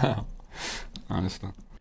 Alright, eh, men eh, misstagande feligenkänning hade du, eh, du hade flera här som du hade tänkt som Ja, alltså det, det är saker vi har pratat om lite så här genomgående, alltså det är ju att, ja, anledningen till varför de har misstagandena sker liksom, eller feligenkänningarna kanske är rättare ord, misrecognition är det på engelska, liksom finns inget Uh, riktigt bra ord för det på svenska, men eh, uh, feligenkänning kanske är det bästa, liksom, när man misstar andra människor. Uh, liksom för att vara någon annan helt, helt enkelt. Liksom, eller där identiteterna är så fucking lika varandra att ja, folk är mer eller mindre utbytbara. Antingen när det kommer till det, ja, Uh, vilken position man har, hur man ser ut, vilka saker man har på sig etc. Sådär. Liksom och genom den här boken så, ja, jag vet inte, det sker hela fucking tiden. Alltså var, det två, tre sidor, en person ser ut som en annan person, som ser ut som en annan person som de umgås med. Men sen så visar det sig att ja, alla fyra personerna de ser är helt andra personer än vad de trodde att de var. Liksom sådär. Men i slutändan så tenderar det inte att spela så jävla stor roll i slutändan för att de kan ändå göra samma saker med de här personerna som de tänker göra med de andra personerna. Liksom. Eh, och det är ju lite det som är det som är, eh, ja, den banala humorn med det hela. Det, det, det, spelar egentligen ingen fucking roll vem någon är. Va? Eh, eftersom att, ja, alla vänner är på sin höjd bekanta med varandra. Alltså inte så mycket mer än det. Men uh, vi kan ju ta och läsa upp någon av de här som är alltså ja, vad ska man säga, mer roliga än de andra liksom om man säger så. Uh, finns en här där han börjar med liksom att uh, uh, Owen has mistaken me for Marcus Halberstram. En man som jag inte minns fel möter ett, ett tragiskt slut också i, i, i boken. Mm. Men Owen has mistaken me for Marcus Halberstram even though Marcus is dating Cecilia. Uh, Cecilia Wagner, but for some reason it really doesn't matter, and it seems a logical faux pas since uh, Marcus works at PMP also. In fact, he does the same exact thing that I do. Uh, and he also has a penchant for Valentino suits and clear prescription glasses, and we share the same barber at the same place, the Pierre Hotel, so it seems understandable. Uh, it doesn't irk me, but Paul Denton keeps staring at me, or trying not to uh, as if he knows something, as if he's not quite sure if he recognizes me or not. And it makes me wonder if maybe he was on that cruise a long time ago. Uh, one last mi- uh, one night last March. If that's the case, I'm thinking I should get his phone number, or better yet, his address. Eh, och jag får mig att det här refererar tillbaks delvis till, eh, du vet i tidigare i boken så läser de i tidningen liksom om ett mord som har skett på en jakt av en societetsmänniska. Ja, ja, ja, mm. yes, yes, yes. Eh, vi kan ta det citatet efter det här för att det är också det är ganska intressant. Va? Men här alltså som... Om du har, om du har det någonstans. Uh... Ja, jag kan ta den direkt efter. Va? Men ja, nice, nice. just, uh, vad ska man säga, den här alltså. Som i många av de här andra liksom att uh, han misstar två personer här. Eller han misstar en person och han mest troligen personen som stirrar på honom, Paul Denton, stirrar på honom för att han är inte säker ifall Bateman är Bateman. Va? Liksom. Mest troligen. Uh, och ja, Eh, det jag tänker här lite grann och det jag tänker hela tiden när jag läser den här boken är att uh, det är som att ja, de här objekten delvis, alltså som gör oss igenkännbara för andra liksom och samtidigt gör att vi blir förvirrade med andra liksom. Eh, alltså det, det, är som att de har kolon, kolonialiserat oss liksom. Alltså det är nästan som att eh, de här objekten är aliens liksom som har invaderat oss och eh, trollar oss in till eh, andra människor och lurar oss konstant liksom. Och jag vet inte. Eh, eh, det, jag vet inte om det är det liksom som triggar honom till att göra de här jävla sakerna. Så att ja, mycket av hans frustration kommer liksom, han säger att han inte bryr sig om att ingen känner igen honom, men sen så när han gör sina fucking confessions i spegeln där och stirrar på sig själv eller när han kollar på det här fucking hålet i badrummet och funderar på att krypa in i väggen liksom. Så kommer man hela, så kommer man hela tiden tillbaka till här, de här problemen liksom. Uh, att ingen fucking känner igen honom. Liksom. Uh, men uh, Jo, jo, jo, jo. och det, det, det där är ju, alltså, um, jag tror det var Pierce som i början av boken, och vi läste upp det här citatet, där Pierce säger att han är en asset. Han är irreplaceable. Precis. Men sen så ändå någon uh, som Bateman som är på Pierces nivå, för de är alla liksom ja. assistent, uh, eller, eller någon, på, vice presidents, alla på samma nivå. Ja. Och hela tiden så folk misstar liksom, vem, ah, vad hette du, vem var du, bla bla bla. Så alla vet Så liksom. de är fucking, de är fucking irreplaceables, liksom. Jag tror det är det som är skämtet jo. här. Och alla är ju medvetna om att de är replaceable eftersom att de är ju själv medvetna om att de misstar folk hela tiden och att folk misstar dem. Va? Ja. Eh, liksom, det är som i formen av hela fucking boken sådär och det är ju fett fett roligt för att jag tror att han bara förtrycker liksom att han inte bryr sig för att för liksom, uh, du vet, om någon har uh, så förnedrat honom i sociala sammanhang för att de har bättre grejer på sig eller för att de typ inte kommer ihåg honom exakt och han känner sig förbannad på det. Alltså kan han typ mörda någon liksom. typ. Eller det sker, ett mord sker direkt efter, så man undrar ju liksom så här, bara, okej. Okay. uh. Nej, det stämmer. Det stämmer. Hur... Jag har återigen så här.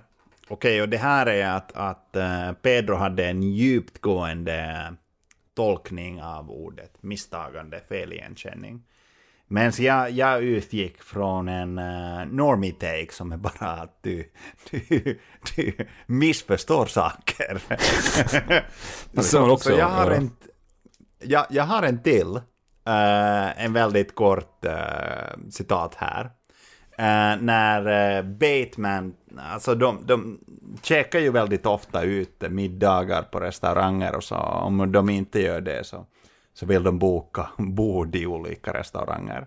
Mm. Och det här är när en uh, servitris kommer, fra, uh, kommer fram och rekommenderar olika maträtter uh, till honom och en brud, Bethany. Så säger servitrisen så här. For appetizers, I have sun-dried tomatoes and golden caviar with poblano chilies and also I have endive soup. So Bateman, wait, wait, wait a minute.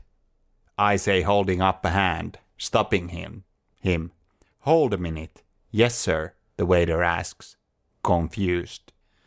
You have. You mean the restaurant has. I correct him. You don't have any sun-dried tomatoes. the restaurant does. You don't have any poblano chilies. The restaurant does. Just so you know, I clarify. The waiter, stunned, looks at Beth- Bethany, who handles the si- situation deftly by asking him, So, how is the endive soup served? Alltså, fatta vilken peak Aspergers. Det är att säga att du, du har inga jävla soltorkade tomater. Det är restaurangen som har ja. dem. Ja, han, vill vet, han vill att uh, servitören vet sin plats, att han har ingenting, det är jag som har saker, det är jag som betalar för saker. Det är en jävla peasant, liksom. Det är, det är viktigt att understryka det. Det är restaurangen. Liksom. Mm. Men i och för sig, alltså, jag måste hålla med Bateman här att det är fett weird att säga jag har. Alltså man brukar ju säga vi. Ja, men det är ju alltså, eh, det är oväsentligt. Men det är ingenting jag skulle reagera på så, sådär på och bara skrika din fucking peasant. Du, ja, du har inga soltorkade tomater. Eller, eller kaviar alltså. Ja, precis. You don't have avian you. water, I have avian water. Liksom sådär, okej. Okay. Uh, Pat, psykfall. Liksom. Normal reaktion på en restaurang liksom. Oh, men du vet, för, för Pat så är det jävligt viktigt vad man har för någonting. Och han, han har räknat upp alla saker han har. Och han vet att den här mannen, han har inte de där sakerna. Så att we are not the same, liksom I have things, you do not have things. Fuck you. Liksom. Jag gillar det. Nej, jag, jag tycker det var, det var, det var fantastiskt. Återigen samma sak som, eh, som med att uh, få, få dyslexi av att, uh, av, att, av att knulla med brudar så är det extremt bokstavlig tolkning av temat misrecognition. Ja, det... Man bara misstar saker. Ja, men det är en klassiker liksom. Ja. Men uh, ja, alltså, uh, för att återgå till det där, liksom han säger att han kanske måste mörda uh, Halberström där för att han kanske var på en, du vet, en, uh, en jävla kryssning där, du vet. Uh, ja, ja, och, och kan ha sett någonting och det refererar som tillbaks till vad fan ska man säga, tidigare i boken som jag hittade det där jävla citatet där uh, Pierce tror jag det är, eller är det Timothy kanske, som läser, uh, läser nyhetstidningen och uh, ja, som det alltid är när de läser, läser nyhetstidningen så har det skett en jävla massa random grejer som är klumpat ihop liksom. Och, ja, jag tror att det delvis därifrån snacket om att du kan bli typ gay från, eller inte gay, men att du kan få aids från vad fan som helst liksom. Uh, Dyslexi. Ja, precis, kommer... Uh, exakt, det kommer någonstans därifrån tror jag liksom. Då här åker de igen liksom. Uh, i, i taxin. Uh, Bateman har haft på sig sin fucking Walkman, Panasonic, wallet size, cordless portable folding phone, liksom vad fan han kallar det. Det är en jävla fin grej. En så kallad NEC 9000 Porta Portable. Jävla fantastiskt namn det. Uh, hans polare då här uh, lappar ut tidningen och läser så här. In today's newspaper, in one issue, in one issue only, let's see here. strangled models, babies thrown from tenement rooftops, kids killed in the subway, a communist rally, mafia boss wiped out, Nazis. He flips through the pages excitedly. Baseball player with AIDS, more mafia shit, gridlock, the homeless, various maniacs, faggots dropping like flies on the street, surrogate mothers, the cancellation of soap operas, kids who broke into a zoo and tortured and burned various animals there, more Nazis. And the joke is, the punchline is, it's all in this city, nowhere else, just here. It sucks. Well, wait. More Nazis, gridlock, gridlock, baby sellers, black market babies, AIDS babies, baby junkies, building collapses on baby, maniac baby, gridlock, bridge collapses. His voice stops. He takes in a breath and then quietly says, with his eyes fixed on a beggar at the corner on 2nd and 5th, That's the 24th one I've seen today. I've kept count. Then asks without without looking over, "Why aren't you wearing that uh, that worsted navy blue blazer with the gray pants?" Price is wearing a six-button wool silk suit by vad fan heter det? Emere, Emere Lago Segena. A cotton shirt with Friends cuffs by Ike Behar. A Ralph, a Ralph Lauren silk tie and leather wingtips by Fratello Rossetti. Uh, pan down to the post, there's a moderately interesting story concerning two people who disappeared at a party aboard the yacht of a semi noted New York socialite uh, while the boat was circling the island. A residue of spattered blood and three smashed champagne glasses are the only clues. Foul play is suspected, and the police think that perhaps a machete was the killer's weapon because of a certain groove and indentation found on the deck. No bodies have been found, there are no suspects. Price begins his spiel today over the lunch and uh, brought it up again during the squash game and continued ranting over drinks at Harry's, where he had gone on over three J&Bs and water. Much more interesting about, much more interestingly about the Fisher account that Paul Owen is handling. Price will not shut up. Uh, ja, uh, det tycker jag också är ett jävligt bra, ett jävligt bra stycke i boken liksom. Uh, Eh, för jag är inte säker här för det första om, uh, alltså bara beskrivningen liksom av uh, olika former av baby junkies och building falling of babies och maniac babies tyckte jag var jävligt roligt faktiskt. nej, nej, vänta, vänta, vänta, vänta, vänta. Ja, jag, har, jag har en tanke här. och jag vill jättegärna höra din take på det här. Okej. Okay. Om, om vi tänker oss hur New York är i den här boken. Uh, den är jävligt smutsig. Den har liksom äckliga kriminella, svarta, mm. alltså handikappade, prostituerade, knarkare och så vidare. Allt är, allt är liksom jävligt smutsigt, mörkt och äckligt. Och vad, vad påminner det mig om? Det är fan Gotham City. Och då började jag tänka att okej, okay, Batman och Batman som namn bara. Det är ganska nära varandra. Ja. Har du, när du har läst den här, har du ponerat att egentligen så är Bruce Wayne, Batman, ganska lik figur uh, som Patrick Bateman i American Psycho? Alltså vi vet ju att liksom på ytan så ska Bruce Wayne eller Batman vara den här goda grabben som liksom kommer in och du vet, ja, där, där polisen inte finns så, så tar han våld till sina egna händer och har ja, liksom... Alltså, alla, vet ju att, uh, alla vet ju att Batman är ju en fascist va, så det är ju inget snack om saken liksom. Han är men, en fascist men, men han gör ju våld för att han gillar det liksom. Men, men, nu när du hör det, känner du inte att det finns likheter både i hur, alltså New York i den här boken, det är fucking Gotham City, och hur Patrick Bateman och Bruce Wayne, eller slash Batman, Ja, eller alltså uh, Gotham City från början är ju modellerad efter alltså både Chicago i arkitektur och sen så kriminalitet och så vidare av New York. Va? Det är som en ihopslagning av de två. Va? Historiskt sett är ju är Gotham det. Va? Uh, sen är ju skillnaden mellan han och Bruce Wayne är ju att Bruce Wayne är en sann kapitalist. Va? Och uh, uh, Pat Bateman är fortfarande i arbetsledet för en stor kapitalist, även om han är högt upp. Va? Mm. finns korrespondenter liksom i att de lever i någon så här smutsig värld och så vidare, men uh, Uh, skillnaden skulle vara i så fall att liksom Bateman vet vad han håller på med och, och, Batman vet inte vad han håller på med. Mm. Det vill säga, båda terroriserar folk liksom. I slutändan. Batman tror att han gör det på grund av justice liksom. Det finns ingen justice i det Batman gör liksom i slutändan spelar ingen roll det han gör eh, för Gotham. Gotham för Gotham förblir alltid vad Gotham är. Liksom, så här, han kan inte göra någonting åt det.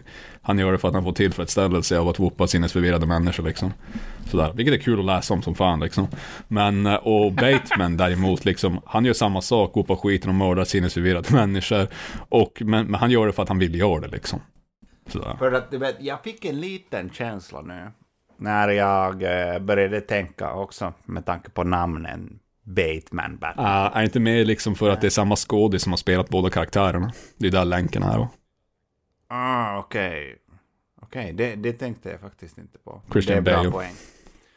Det, det är bra poäng. Men jag tänkte, jag tänkte så här att vem fan vet, kanske Batman mitt på dagen när han inte är ute som någon fucking vigi retard vigilante och bara ja, jagar efter folk i någon retarded kostym.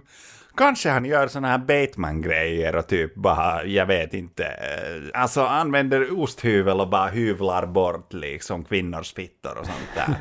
jag, vet inte om man behöver gå, jag vet inte om man behöver gå så långt va, så men uh, det enda han behöver göra liksom, det är ju att uh, han tror ju liksom på samma sätt som att äh, Bateman tror att liksom hans modiska jag, det är du vet hans autentiska sanna jag. På samma sätt så tror Bruce Wayne att Batman är hans sanna jag liksom. Och mm. uh, det är väl där likheten finns i att de har ett dubbelliv. Att uh, den ena tror att uh, och det roliga är ju liksom att Batmans playboy, philanthropist, billionaire är en mer idealiserad typ av, ba av Bateman. Bateman är, har i princip samma tankar i sitt huvud som, uh, eftersom att de är av samma klass människor där liksom, men att uh, uh, Bateman gör ingenting, gör, gör inga välgörenheter och sådana saker. Han är bara en dude som glider omkring och kör lite koks då och då. Liksom, så Alltså han får, han får sina kicks av andra saker. Liksom. Sådär. Mm. Och sen så har ju Batman ett sådär, du vet, psykologiskt trauma. Det finns ett psykologiserande av av Batman. Det finns ingen riktig psykologisering av Batman på det sättet. Va?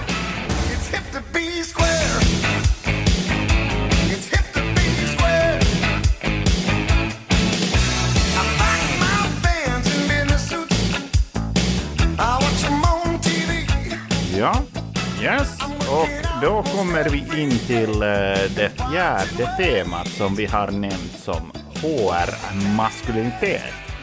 Och det ni hörde nyss är en av Batemans favoritlåtar, Pick to be square.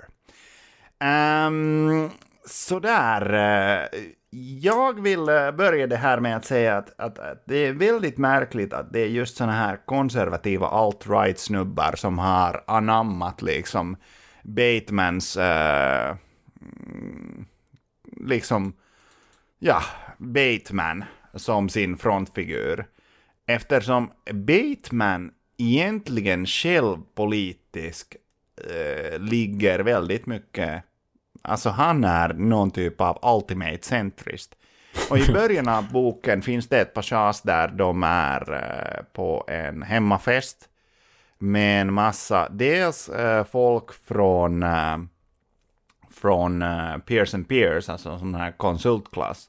Men också såna här lite vänster, alltså lite hippie, hippie-folk från universiteten och så, om jag förstod det rätt. Mm. Um, och uh, då frågade de Bateman om vad han tycker om uh, USAs politiska läge då. Och han svarar så här. But economically we're still a mess.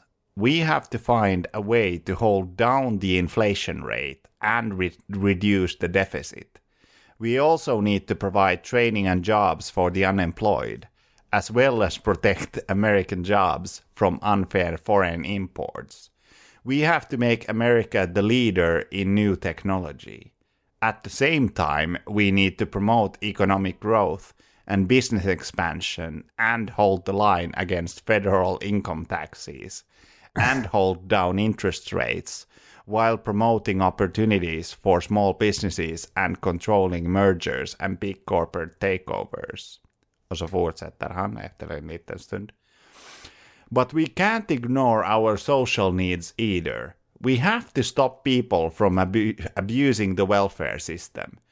We have to provide food and shelter for the homeless and oppose racial discrimination and promote civil rights, while also promoting equal rights for women, but change the abortion, abortion laws to protect the to protect the right uh, to life, yet still somehow maintain women's freedom of choice.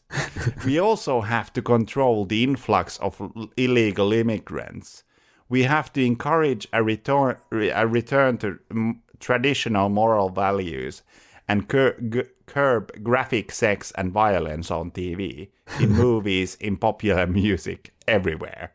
Most importantly, we have to promote general social concern and less materialism in young people. Fantastiskt. Fantastiskt. Han är, han är ultimate centrist. Alltså han vill som två på, alltså, två motsägande saker samtidigt. Speciellt när han säger uh, We have to change the ab abortion laws to protect the, the right to life, yet still somehow maintain mm. women's freedom of choice. Just. Alltså det är ju två saker som går helt emot varandra. ja, det, man kan säga att de utesluter varandra nästan. Uh, men uh, ja, alltså jag tycker att uh, det här talet, alltså i kombination specifikt med låten It's Hip To Be Square, liksom, det, det uttrycker uh, Pat-essensen. Vem Pat är alltså. The Patness. Man skulle nästan kunna säga att, du vet, om han håller det här talet och han skulle vara president i landet Patlandia, som jag vill gärna vill kalla hans land, då skulle låten It's Hip To Be Square spelas i bakgrunden som en nationalsång för honom, medan han håller det här talet. Kan du tänka dig hur fantastiskt det skulle vara? Men vet liksom du, jag, jag, tänkte också, jag tänkte också på, låten It's Hip To Be Square. Och jag hade, oh. innan jag läste boken, jag har bara sett filmen några år sedan. Men så läste jag boken och jag började lägga mer och mer betoning på It's Hip To Be Square. Som liksom lyricsen i låten. Eftersom det är ju fan han som är Square. Det är han ja, ja. som är den här betamailen som vill vara alfa och tänker att hej, plötsligt är det, är, det, är det trevligt att inte kunna på riktigt slåss eller ha mus, eller du vet, vara en sån här, hej, det är lite kul att ha en liten kuk. It's hip to be square. Hej, kom igen, det, det, det är i mode nu. ja, precis.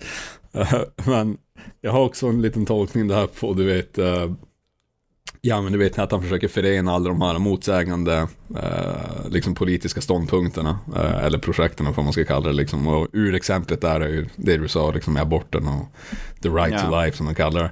Men eh, alltså jag tycker att man kan tyda typ en ganska djup så här, likgiltighet alltså, i det här talet som man har inför alltså, politik eller de här problemen överhuvudtaget. Alltså, det, för det låter som alltså en, eh, en parodi nästan på centerpolitik alltså.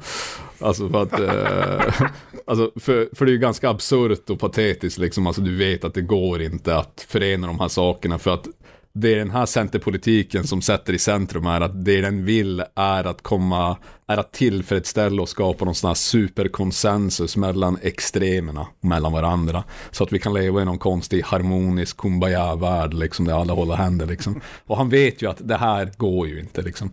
Vad, tror du han vill ha mindre våld och pornografi liksom? Vad är det han hyr när han går på eh, videoaffärerna? Det är porr, och det är våldsamma filmer och sen så mördar han folk själv. Liksom. Det här är vad han älskar. Liksom. Han vill att folk ska vara hålla på med mindre materialism. Fan snackar han om. Liksom. Den han bryr sig om är objekten i sitt hem. Liksom. Alltså, så att han tror ju inte på något av det här. I slutändan. Jo, fast jag, jag, jag, tänkte där att är det att eh, umgänget här då, de är på någon typ av hemmafest alltså. där, eh, där eh, ena bröderna har lagat sushi till gästerna. Och sen ja. så finns... Och så är det vänsterartister där. Ja, ja. Och det, det är sådana här vänsterfolk från typ Upstate eller Connecticut eller, eller sådana här akademiker. Där. Nej, det här var ju sådana här som var smutsiga typ, du vet sådana här New Village, du vet. Uh, ja, ja, New Village bohemer, uh, alltså. ja, yes, New ja. Village bohemer, ändå ganska rika, men på ja, ja, för att ens kunna vara det alltså. Ja, men ja, uh, du vet, de tjänar inte aktivt pengar typ för att de är... Nej, nej, nej, nej, men ändå, du vet alltså, Max Weber skulle kalla de ja, ja. högre klass. Men inte ja. Marx. Men, men uh, hur som haver, liksom mer så att... Och, och, och jag undrade liksom att sätter Pat Bateman på sig någon typ av mask här, att han vill plisa båda crowdsen i publiken. Eller lurar dem. Eller hånar dem. För att, uh, ja, ja, för att han har ju dels... Um, han eh, utspelar ju henne i hennes spel, du vet. Varför att vi ska bry oss om något land, typ Burma eller någonting, pratar hon om och säger det finns större ja, problem än Burma. Ja. Och så börjar han rabbla upp de här ja, jävla sakerna liksom för att visa att jag är fan bäst på det här liksom. Och att, eh, men också att det här spelar ingen roll. för, för att jag tänkte att det, det är alltid ett centriskt så liksom, så här Bill Clinton eller delvis ja, det då Ronald Reagan. Att, att, att, så, third way bullshit, att, att han vill plisa båda, för att det finns en uppdelning, det finns förmodligen folk som röstar liksom höger och vänster där. Um, och sen så vill han bara hålla ett tal som, som du vet, gör båda nöjda. Och ja. det här är slutsatsen. Precis. Det är alltså, så det är jag tolkade det. det. Så här, Bill Clinton-aktig politik skulle ju vara liksom, ja men vi ska uppfylla välfärdsstaten via massprivatisering. Liksom bara. Okej. Okay. det låter som en bra idé det. Det låter som uh, saker som är möjliga att göra liksom i sig. Det blir kostsamt då liksom. Ja, eller ännu mer det, kostsamt. Uh. Det finns så jävla många motsägelser i det talet att, ja. Men hur som helst, det, alltså min, ja, min, min tanke var, här var mest att, att det är märkligt att han har blivit, alltså om det här nu reflekterar på något sätt Pats liksom kanske kan, kan göra det, att det reflekterar Pats liksom riktig uppfattning om politik, så är det ju lite märkligt hur det har blivit, ja, tagen av eh, en massa alt-right snubbar. Uh, Precis. Ja, så är det. Men, eh, liksom. men många av dem ser sig också som centrist, liksom, ibland alltså. Men uh, uh, vad fan, alltså det kan ju vara så att han tror på det på ett plan, liksom. Jag tror också att det är ett hån mot de här jävla människorna delvis. Och delvis för att inte bli utmanövrerad av den här jävla vänstermänniskan eller um, uh, artisten liksom som uh, du vet häver ur sig att uh, jag vet ja. inte, de ska känna någon form av konsumtionsskuld för att folk i ett annat land och så vidare. Och då kontrar han med att these are the real problems liksom och så håller han ett politiskt tal du vet som ja, de flesta människor skulle tycka, men det här är ändå typ, det här är saker som vi ska bry oss om liksom på något plan. Jag gillar, alltså man ändå, skuld, jag gillar ändå skuldsättningen han får där från de här vänstermänniskorna och det har jag själv också fått på flera ja. sådana här snällhetsvänsterfester. Ja, du känner äh, Pats sorg och smärta? framför, framförallt i Malmö då, där de frågar mig att Pekka, Pekka, varför tänker du inte på Burma? Hur många gånger om veckan tänker du på Burma? Och sen så får jag korrigera där att hej, det heter faktiskt Myanmar nu för tiden. ah, skitsamma, varför tänker du inte på Burma? Men... That's uh, not the right nomenclature. Nej, Pekka, Pekka var tvungen att påpeka faktafel där. Du var tvungen att trumfa om där. Liksom, jag kan med. men, men, men vet du vad, jag har, jag har en till här och det är, äh, apropå HR-maskulinitet, det är när, äh, för det finns vissa kända personer som vi känner till idag som nämns i boken. Ett av dem är Donald Trump. Han nämns 32 gånger genomgående i hela boken. Så det berättar också om någonting att okej, okay, det var the it guy uh, under ja. Pat Batemans tid. som senare blev också president. Uh, kunde varit Patrick Bateman också, så att, det, det, är lite läskigt. Men en annan är skådespelaren Tom Cruise. Och eh, Tom Cruise och Patrick Bateman bor i eh, samma höghus och de träffas i en hiss. Och eh, jag tänkte att jag skulle kunna läsa upp eh, en cit ja, från boken här uh, när uh, Pat Bateman eh, träffar Tom Cruise. De är i en hiss då i huset. The door shut and I instinct instinctively turned to say hello. It's the actor, Tom Cruise, who lives in the penthouse. As a courtesy, without asking him, I press the PH button and he nods, thank you, and keeps his eyes fixed on the numbers lighting up above the door in rapid succession. He is much shorter in person, and he's wearing the same pair of black wafers I have on. He's dressed in blue jeans, a white t-shirt, and an, and an Armani jacket. To break the no- noticeably unco- uncomfortable silence, I clear my throat and say, I thought you were fine in Bartender. I thought it was quite a good movie. And Top Gun too. I really thought that was good. he, he looks away from the numbers, then straight at me. It was called it was called cocktail. he says softly, Pardon? I say confused. He clears his throat and says, Cocktail, not bartender. The film was called Cocktail. A long pause follows. Just the sound of cables moving.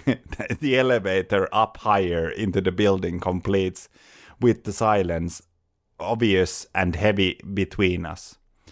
Oh, yeah, right, I say, as if the title just dawned on me. Cocktail. Oh, yeah, that's right, I say. Great Bateman, what are you thinking about? I shake my head as if to clear it, and then to patch thing I hold my hand. Hi, Pat Bateman. Cruz tentatively say, shakes it, so I go, you like living in this building? He waits a long time before answering. I guess. It's grey, I say, isn't it? He nods his uh, he nods, not looking at me. And I press the button for my floor again. An almost involuntary reaction. We stand there in silence. So, cocktail, I say, after a while. That's the name. oh. Alltså du, du vet ju mer om Tom Cruise än, än jag, men jag tror att det här är en ganska sann beskrivning av hur han är som en, eh, som en människa. Uh, han spelar ju för en bartender i filmen Cocktail, så att jag vet inte varför, varför han måste korrigera en random snubbe som han träffar på en hiss och bara oh. säga nej, filmen heter fan Cocktail. ja, det är en, eh, en sjuk liten man. Men, uh, nej, alltså jag tänker bara att enda skillnaden skulle väl kanske vara att han skulle försöka få honom att bli en scientolog kanske möjligtvis. Alltså, han skulle vara lite som en, du vet, uh, som så här missionärer i mormonska kyrkan, du vet när de skickar ut dem en gång i sitt liv liksom och gör God's work liksom. Men uh, jag vet inte utöver det alltså. Ja, det, det, var kul, det är en kul sån där grej som bara visar hur mycket Pat suger. Men också att uh, Pat har på sig samma grejer som Tom Cruise har. Vilket jag tycker är kul. Det måste ha ändå gett honom lite tillfredsställelse bara. Fuck yeah. Jag älskar, att han shoes, nämner att, uh, jag älskar att han nämner så här. Uh, uh, he's shorter than in real life than on TV. oh yeah. Han är en liten plutt vet du. Så är det. Så här, ja, du kan vara en tv-stjärna och bo i penthouset här, men ja, ja 20 centimeter mer än Precis. Men uh, Bateman är fortfarande Bateman tror jag. ja. liksom och bara, skäm, och bara, bara skämmer ut sig där i hissen. Andas tungt. Nej, alltså jobbig. Jag inlevde mig i den här hissresan. Och man har ju varit i obekväma situationer i hissen. Men, men det ja. där var... Eh, det där var ja, men jag, aldrig, jag tror inte jag failat i en interaktion så där hårt ändå. Så det, alltså det där är ändå en uh, ordentlig failure. Nu har inte jag stått bredvid Tom Cruise heller, men uh, jag vet inte om jag... Min första tanke skulle inte vara liksom att nämna filmen Cocktail direkt. Men det var ju där 80-tal och han kanske inte hade gjort så jävla mycket annat än Cocktail, fan vet jag alltså. Ja, han hade gjort risk, Risky Business hade han väl gjort också. Ja. Mm. Och Top Gun. Precis, precis. Ja, nej, alltså det är ju en, eh, det är en, eh, det är en jävligt rolig scen där. Det hade varit nästan lika roligt ifall han hade haft någon, eh, någon hiss-scen med Trump eller någonting liksom. Men det, ja, det hade varit fantastiskt. Trump är ju bara någonting som nämns i boken, men aldrig ja, träffas Trump, de bara...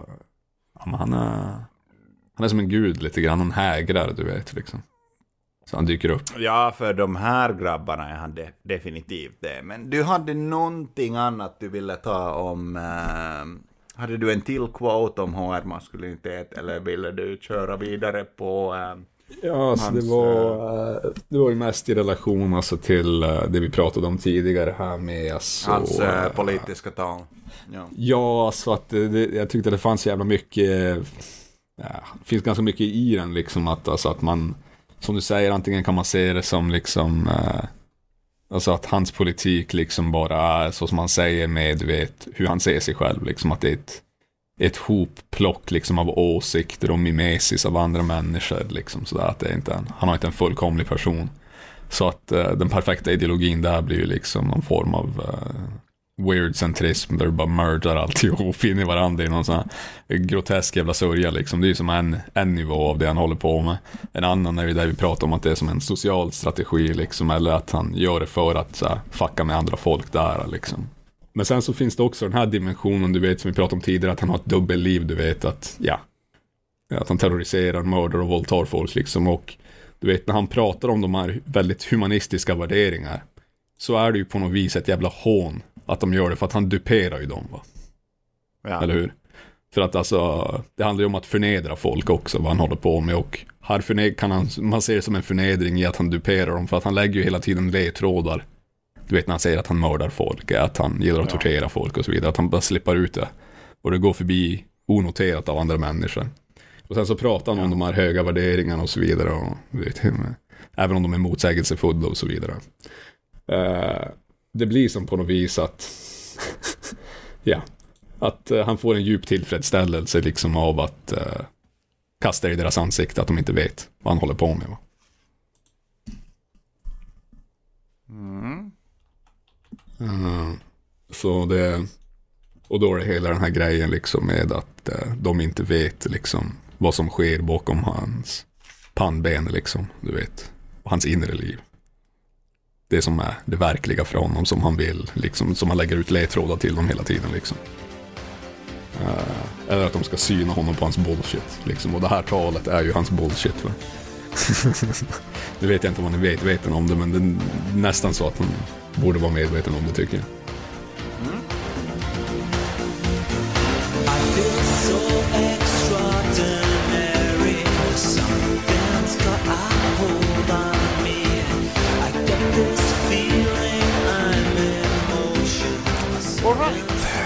Dags för nästa tema som är uh, jappekultur eller strävande via konsumtion. Ens egen kropp är en produkt. Och uh, här har vi faktiskt en engagerat våra lyssnare. Uh, vi uh, i shownotesen uh, kommer att ha Pat Batemans träningsprogram, vilket han kör. Jag har kollat upp det här sex gånger om veckan, två dagar på, två timmar om, om, per gång på gymmet. Och eh, träningsprogrammet lyder följande. Jag kommer sätta den i show notesen i en Excel-vänlig format så alla fellow eh, Patrick Batemans där hemma eh, kan bara kopiera den in till en Excel och köra full Pat Bateman. Och sen eh, efter jag har läst upp det här så har en av våra lyssnare, W, från eh, Twitter varit så vänlig att hon har eh, kommenterat detta med, vi hade en del frågor om det här träningsprogrammet så jag kommer att ja, läsa upp helt enkelt vad en, en utbildad PT tycker om det här. Så här skriver Patrick Bateman om sin träningsprogram. I should probably be stretching first, but if I do, uh, I'll have to wait in line. Already some faggot behind me, probably checking out my back, ass, leg muscles. no hard bodies at the gym today. Only faggots from West Side, probably unemployed actors, waiters by night, and Maldwine Butner of Sachs, who I went to Exeter with, over at the biceps curl machine. Butner is wearing a pair of knee knee length nylon and lycra shorts with checkerboard inserts and cotton and lycra tank top and leather Reeboks. I finished 20 minutes on the uh, Stairmaster and then let the over muscled, bleach blonde, middle aged faggot behind me use it and I commenced with stretching exercises. So, okay, Först kör han 20 minuter på Stairmastern och sen så börjar han stretcha. Okej? Okay? Yes. While I stretch, the Patty Winters show I watched this morning comes back to me. The topic was big breasts, and there was a woman on it who had breast reduction since she thought her tits were too big. The dumb bitch. Och här kan jag bara nämna, eftersom vi inte pratat om det tidigare, men uh, han kollar varje morgon på, en TV, på ett tv-program som heter The Patty Winters Show. Och i boken, alltså genomgående, och det är någonting som berättar om att uh, han kanske är lite galen, är att de här topicsen i Patty Winters Show blir sjukare och sjukare. Alltså här är det breast reduction, men i slutet av boken det är liksom att de, de har typ femåringar som har varit på orgier eh, och sådana här saker som topics i en uh, morning TV. Ja, eh, du vet, alltså rika människor är perversa. The Patty Winters i, Show. I tidningen, och, I tidningen så snackar de ju om uh, crack babies och maniac babies. För fan. och jag ska nämna att Patty Winters show, för jag skrev till Bengt här att hej, kanske vi kan ha några ljudklipp från Patty Winters show, det är hans favoritprogram, tv-program. Jag var 350 sidor inne i boken. Och sen så Bengt bara svarar, nej det är inget riktigt program, det har aldrig funnits. Och jag bara, vad fan har, har, har Ellis ljugit till mig i 350 sidor? Varför sitter han och ljuger i en bok? Varför ljuger du? Uh, anyways, alright. Och så fortsätter träningsprogrammet. I used to have a personal trainer whom Louis Car Carruthers had recommended, but he came on to me last fall, and I decided to develop my own fitness pro- program, which incorporates both aerobic exercises and training. With weights, I alternate between uh, free weights and weight machines that use hydraulic, pneumatic, and electromechanical resistance. Most of the machines are very efficient since computerized keypads allow one to make adjustments in weights resistance without getting up.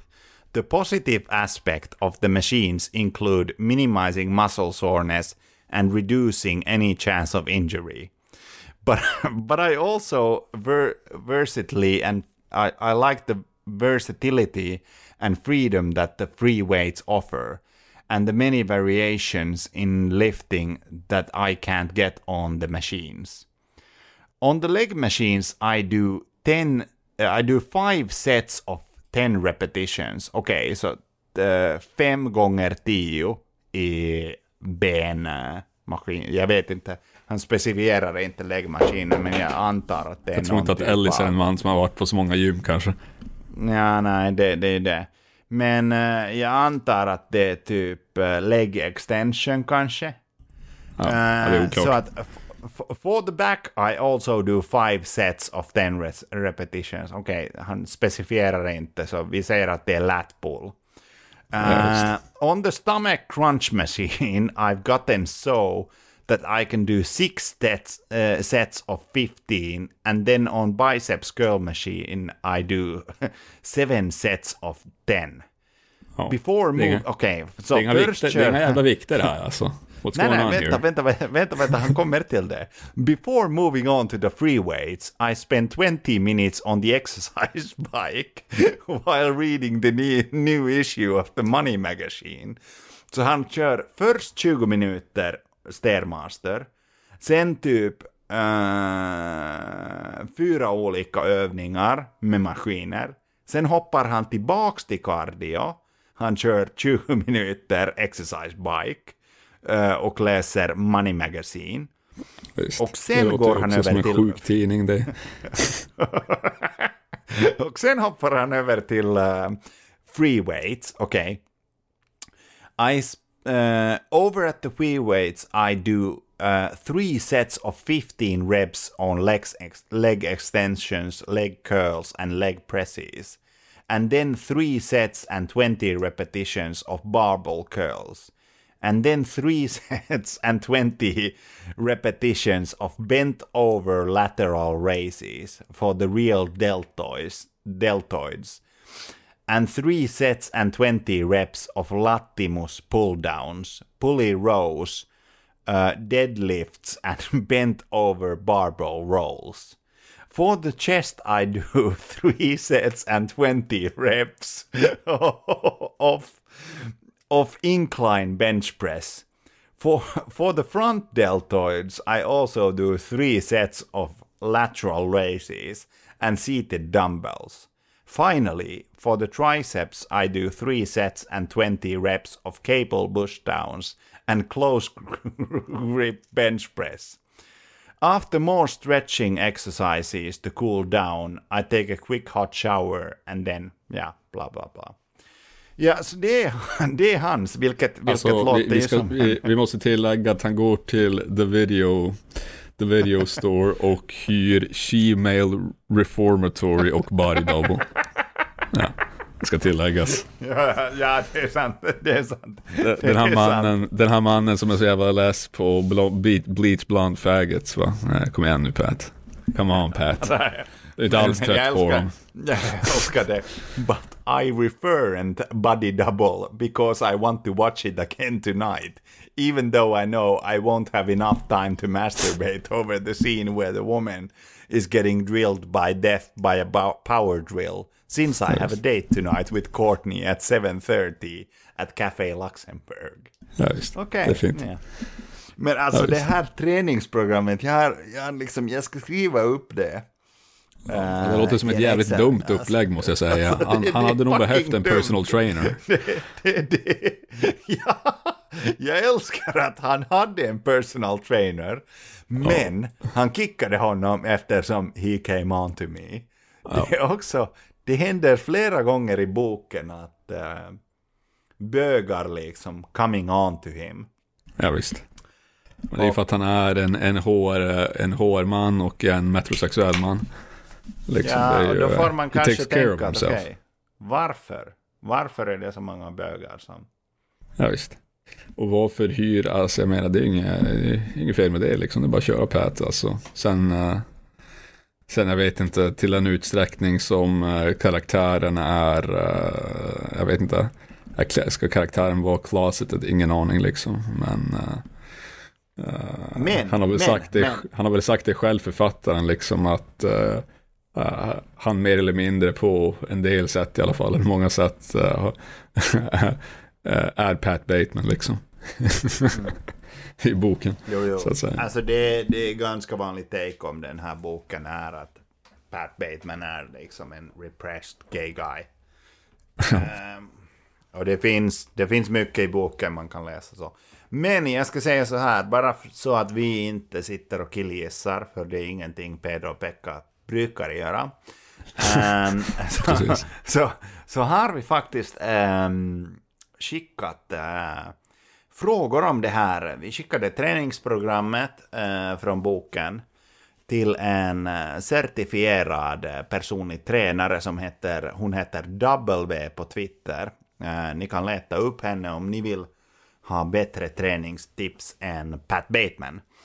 Uh, och, och vi skrev några frågor till henne och där kommer de stort tack W för att uh, ha skapat detta content för oss. Uh, mm -hmm. Så här löd vår första fråga. Vad är din allmänna uppfattning om träningsprogrammet som Bateman har enligt boken? Jag kan inte se hur ofta detta programmet körs, men spontant är det alldeles för många muskler samma dag. Om han tränar så varje dag, ja, och det gör han ju. Detta kan med fördel, eh, fördel delas upp på tre dagar, köra tyngre och minska rep och, och set. Att räkna rätt och sepp utan att veta vikterna säger mig inte så mycket. Men rent krasst är det bättre att köra until eller close to failure. Allt handlar om progression. Att skriva ner set och rep och vikt för att se sin progression, ja. Men tanken är inte att man ska låsa sig in på set och rep som Bateman gör här. Mm. Um, kondition på 20 minuter är helt OK att köra varje träning. Men att han lägger det mellan fria vikter och maskiner är onödigt och lite dumt. Risken för... Risken för att skada sig är större när man är trött och därför bör han börja med fria vikter sen maskin, sen kondition. För han har liksom on, omsatta ordningen. Han börjar med cardio, och sen kör han med maskiner och sen till sist fria vikter. Och sen så det här, oh. att stretcha mellan övningar gör muskeln svag. Då, den är, då en kompakt muskel är starkare. Därför bör, bör all stretch ske i slutet av träningen.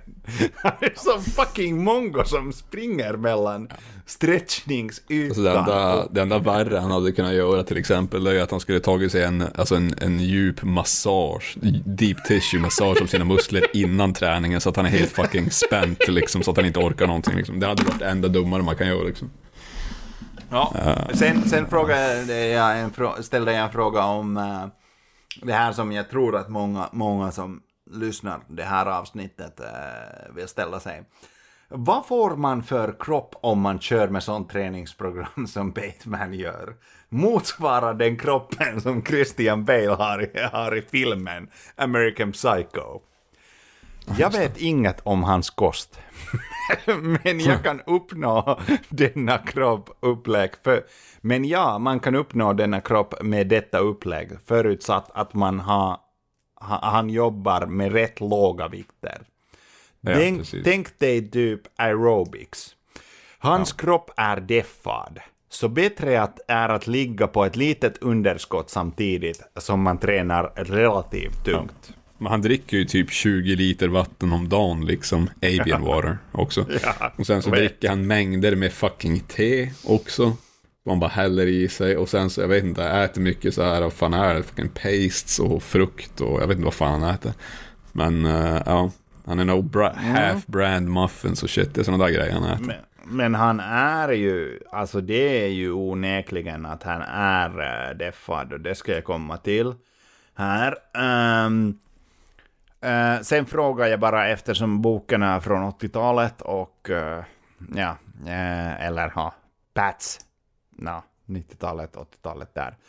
Så har några påståenden i boken eh, debankats gällande träning överlag? Nej, när det gäller träningen, inte när det gäller träningen i sig. Men en sak är 100% säkert och det är att utan kaloriunderskott så uppnår man inte Christian Bales kropp uh, i American Psycho. Och jag ska bara konfirmera här att det är sant att Pat Bateman är uh, fucking deffad jävel. Eftersom uh, det finns ett passage i boken där han sitter med hans uh, sekreterare i en restaurang. Och hon har beställt uh, glass eller sorbet. Uh, a, wait, a, waiter arrives instead, and after uh, that dish containing two scoops of sorbet, cilantro, lemon, and vodka lime are brought to the table that that I didn't hear John order. Want a bite? She asks. I'm on a diet, I say. But thank you. You don't need to lose any weight, Patrick, she says genuinely surprised. You're kidding right? You look great. Very fit. Och så svarar Pat. You can always be thinner. I mumble, staring at the traffic in the street, distracted by something. What? I don't know. Look better. Precis. You can always be thinner. Look better. Eh, jävligt fint det. Han säger det jävligt kul den... i filmen också, så det är väldigt roligt. Uh, men det där är också uttrycker liksom hela deras, du vet, uh, ja men du vet att allting ska se perfekt ut eller symmetriskt liksom så här. Det, uh, du vet, de har ju någon anmärkning liksom, en av deras servitris, och de, de kallar ju brudar i den här boken för hard bodies. Ett jävligt sjukt yes. uttryck från 80-talet liksom som är bara det är jävligt konstigt uttryck, hard bodies liksom sådär. Att hard det, bodies. Jag vet inte, alltså att de är tajta, tränade. Men det betyder väl att man är, tight, man, tight, man är tight, eller hur? Ja, typ att man tränar, alltså att man är, du vet, man är inte fet liksom sådär. Jag vet inte, man är in shape typ. I alla fall, ja. då säger de en, uh, då säger de att she's hot, she's a hot body liksom sådär. Och då säger uh, Price liksom, I'm not impressed, look at her knees. Och så kollar de på hennes knän. Och så ser de att ena knät typ är inte symmetriskt, att den är större än det andra knät. Att den är typ, uh, the knee is knobbier, almost imperceptibly thicker than the right knee, and this unnoticeable flaw now seems overwhelming, and we all lose interest. och det är liksom så fort ett litet moment står där, att du vet, du har lite back acne och så vidare, bara, nej. Liksom sådär. Eller vet, är det konstigt. Nej, alltså jag ska inte ljuga. Har nog eh, tackat nej till sex flera gånger när eh, annars tajt brud men märkt att fan vad hon har konstig knä. Inte ja. båda, men ena knät. Bara ena knät. Det är, det är där, det är där man går, går, går tillbaks till regnet liksom. Precis, regnet eh, klockan 4.30 på natten eh, bara, i Örebro. Hon är en liksom. tia annars liksom, med det där knät alltså. det där knät. Det där jävla knät alltså. alltså jag vet inte vad fan det där är. Men det är liksom Nej, att... Det, um, så, vet, så här Pedro, ett, Pedro ja. hon är en tia men hon har en fett weird knä. fett weird knä. Sänker henne till minst en femma, sexa. totally average now, liksom glansen är borta. Alltså, eh, jag tänker du vet alltså att uh, det ska vara som, uh, du vet om någonting är helt perfekt, då är det oftast skapat liksom. Du vet, saker in nature har inte en perfekt form, det finns inte liksom. Det finns ingen perfekt banan liksom. Om du ska ha en perfekt bananform som vi ser en böjd och sådär, då ska du typ börja genmanipulera om du vill få att alla ska vara perfekta liksom. Annars kommer du få liksom sådär. Uh, eh, uh, eh, outliers. Och Uh, det jag tänker på liksom är att kropparna ska vara som varuobjekt va. Det ska vara sculpted va. Allting ska vara perfekt liksom. Är det inte perfekt då har du lite surgery och fixa till den skiten liksom. Sådär, så um, det är ju ändå, uh, det är ändå på något vis att saker ska vara som produkter i slutändan. Som vi pratar om, kroppen ska vara som en, lite av en produkt. Oh ja. Uh, kropp är ju en produkt. Det är ju det ja, det är den ju. Det är ju, uh, han konsumerar ju sin egen image. Alltså det roligaste är ju just i filmen, han filmar sig själv när han har sex med en prostituerade till exempel. Mm. det gör den, han i boken också. Uh. Jo, jo, men den alltså i filmen så fångar de det väldigt uh, på ett sätt som man bara kan fånga med, med bild va. Det är liksom eftersom att det han gör där är uh, humor, alltså han knullar sig själv basically vad han gör, han knullar sin egen bild liksom. Uh, och de andra är bara där liksom som objekt som han uh, knullar på typ eller i. Alltså det är väldigt uh, alienerat sådär uh, humor. Uh, så, som fan liksom. jag håller med. Ehm, jag vet, jag ska ta... Det är mycket sådär liksom att det är eh, det är någonting, alltså att de förlorar intresse, eller de är inte fascinerade över dem så länge liksom. Alltså samma som han säger att de ser lite puffy ut sådär, att de inte har tränat liksom. Det är någonting som är off med dig va. Eh, du, du, ser inte ut som du borde göra, eller som du vanligtvis ser ut liksom. Eh, och sådär. Uh, och det är mycket att de noterar det i varandra så att de håller, du vet, sin standard liksom. Så att de ser ut som de ska se ut liksom. Mm. Har du något uh, mer och uh, tillägga om uh, yuppiekulturen? Ja, det sista jag tänkte var ju liksom det här med uh, Alltså det är ett väldigt kort, ett väldigt kort grej här i boken från typ Ja, efter att han håller, det här är efter en skin routine som han håller på med, när han håller på att fixa till sitt nylle här efter uh, träningen och så vidare, efter träningspass liksom. Mm. När han och, vem är det, Pierce har varit på gymmet tror jag. Han, uh, han säger så här. Uh, but I've been drinking close to 20 liters of avian water a day and going to the tanning salon regularly. Regularly, and one night of binging hasn't affected my skin's smoothness or color tone. My complexion is still excellent. Three drops of Vicine clear the eyes. An ice pack tightens the skin. All it comes down to is this. I feel like shit, but look great. Och, och här liksom är det som, uh, det här är, uh, jag vet inte, det här är som etosen av boken eller uh, det, det som spelar roll som man säger när Reagan håller talet liksom är ju på något vis att all that matters is the outside, not the inside liksom. Eh, det, det är ytan som spelar roll, inte insidan. Det spelar ingen roll att jag ser ut som skit. Jag ser fan grym ut. Om jag ser grym ut, då mår jag bra.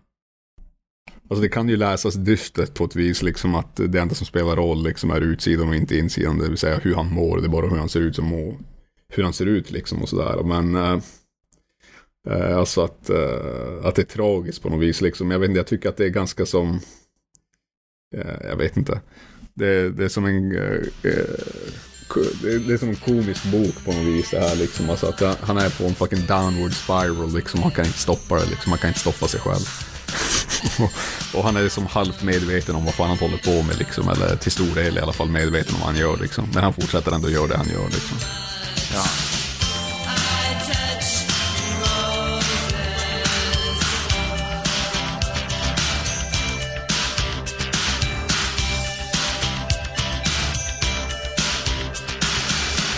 Men eh, nej, men då tror jag att eh, vi kan gå vidare till eh, det sista. Um, sista teman här och då tänkte jag bara korta upp uh, två teman um, inbakade i samma. Uh, som är uh, att Pat Bateman är egentligen en pre-incel incel och att trasha folk som tror att boken bara handlar om våld. Och uh, precis. Um, det, det, är lite så här. Jag är ju som ni som lyssnar eh, på podden frekvent vet en eh, protestant. Så att för mig det blir lite jobbigt att sitta här med Pedro och läsa en massa sexscener från den här boken. Det känns lite weird. Men jag kan ändå försöka så här. now I li- now I make Elizabeth lie on her back and hold her legs up, open, spreading them as wide as possible. And then I put... Nej, nej jag, jag klarar inte av det. Det är för mycket. Det är min uh, protestantiska hjärna som säger nej. Så ni som vill uh, höra mer av uh, Pedro och Pekka porrar till det så kommer det att finnas ett Patreon-avsnitt som kommer att heta Pedro Pekka porrar till det. jag tänker inte fortsätta det. Men eh, det finns flera sådana passager i boken, bara, bara för att nämna, så finns de där. Och det jag vill säga med, med att, att han är någon typ av incel, alltså hans främsta liksom sexuella kink verkar vara att eh, få två heterosexuella kvinnor att ha sex med varandra. Och han, alltså, han står på och tittar och ibland involverar sig, men han involverar sig i att han flyttar dem runt, han flyttar ja, på deras ben, han eh, öppnar någons eh, ben eller någons mun mm. eller så, hej slick, slick den där. Och, så. Precis. och då började jag tänka att fan om han inte hade liksom bott i New York eller Manhattan, så i Sverige han kunde ju fått liksom ett arbete som typ någon typ av arbetsterapeut för uh, Uddevalla kommun som jobbar liksom med sexualterapi installera olika liksom gungor och så hemma hos handikappade och sen bara sitta där och nej men det är ditåt du ska, du ska peka och så vidare. Det är liksom den, socialdemokrat ja, ja. det är den socialdemokratiska modellen vi har skapat, att det finns plats för sådana som Bateman i, i, i offentlig sektor. Alltså, jag tänker mer liksom att det här är ju så en, eh, en HR-man eller en byråkrat får tillfredsställelse. Va? Det handlar om att indexa saker, att sätta saker i Excel-ark. Det handlar om att sätta folk på rätt plats, dirigera dem liksom så att de står rätt. Så att du vet, man kan se när de, när de sprider sin, du vet, fitta och rövhål för kameran, liksom att de står rätt så att ljuset träffar liksom. Det här är väldigt viktigt. Men han är ju främst en fucking voyeur liksom. Han är ju inte en man som, alltså, han, han är ju disgusted va, av mycket saker liksom, smuts och så vidare. Och och sex i sig, det är mycket fluid, saker som går in och ut här liksom. Det, det, det är disgusting i slutändan. Och han vill inte ha någonting del av det här. Han vill bli tillfredsställd och kåt på avstånd liksom. Kallt och kyligt liksom. Som hans relation till hans fucking saker och ting liksom. Som man kan härja över, bestämma och organisera. Så kan han organisera mm. folk i sexakter liksom sådär. Och filma det, självklart. Ja. Uh, för att sedan konsumera den och ja, hur han själv ser ut då främst i, i de här akterna. Uh, och det är ju, uh, ja, det är ju en sak att göra. Ja, nej, jag, jag håller helt med, men, men jag undrar också liksom här någonstans att, alltså för det finns den här teorin om att han är en repressed gay guy. Och sen så vill han tvinga heterosexuella kvinnor att ha sex med varandra. Hänger ja, de två saker ihop? Det är bara dominans, tänker jag. Ja. Få, få folk att göra det de inte vill göra. Vilket oftast är förnedrande liksom. Mm. Och apropå, alltså det är inte helt kastat ur luften det där eh, med att tänka att han är egentligen bög, för det är en snubbe som eh, vill ha honom i boken och då så till slut så trycks eh, Bateman mot äh, väggen och äh, den här äh, killen som är bög då frågar varför och Bateman, Bateman svarar “Because I'm not attracted to you”. Alltså mm. det är inte en... liksom, skulle jag svara på den frågan, jag skulle bara säga att mm. nej, jag är inte bög. Ja, inte att nej, men om du såg ut som Brad Pitt så skulle jag knulla dig. Precis, ja, men du vet, uh, han, ville ha, han ville ha en mer direkt trash, liksom, du är ful.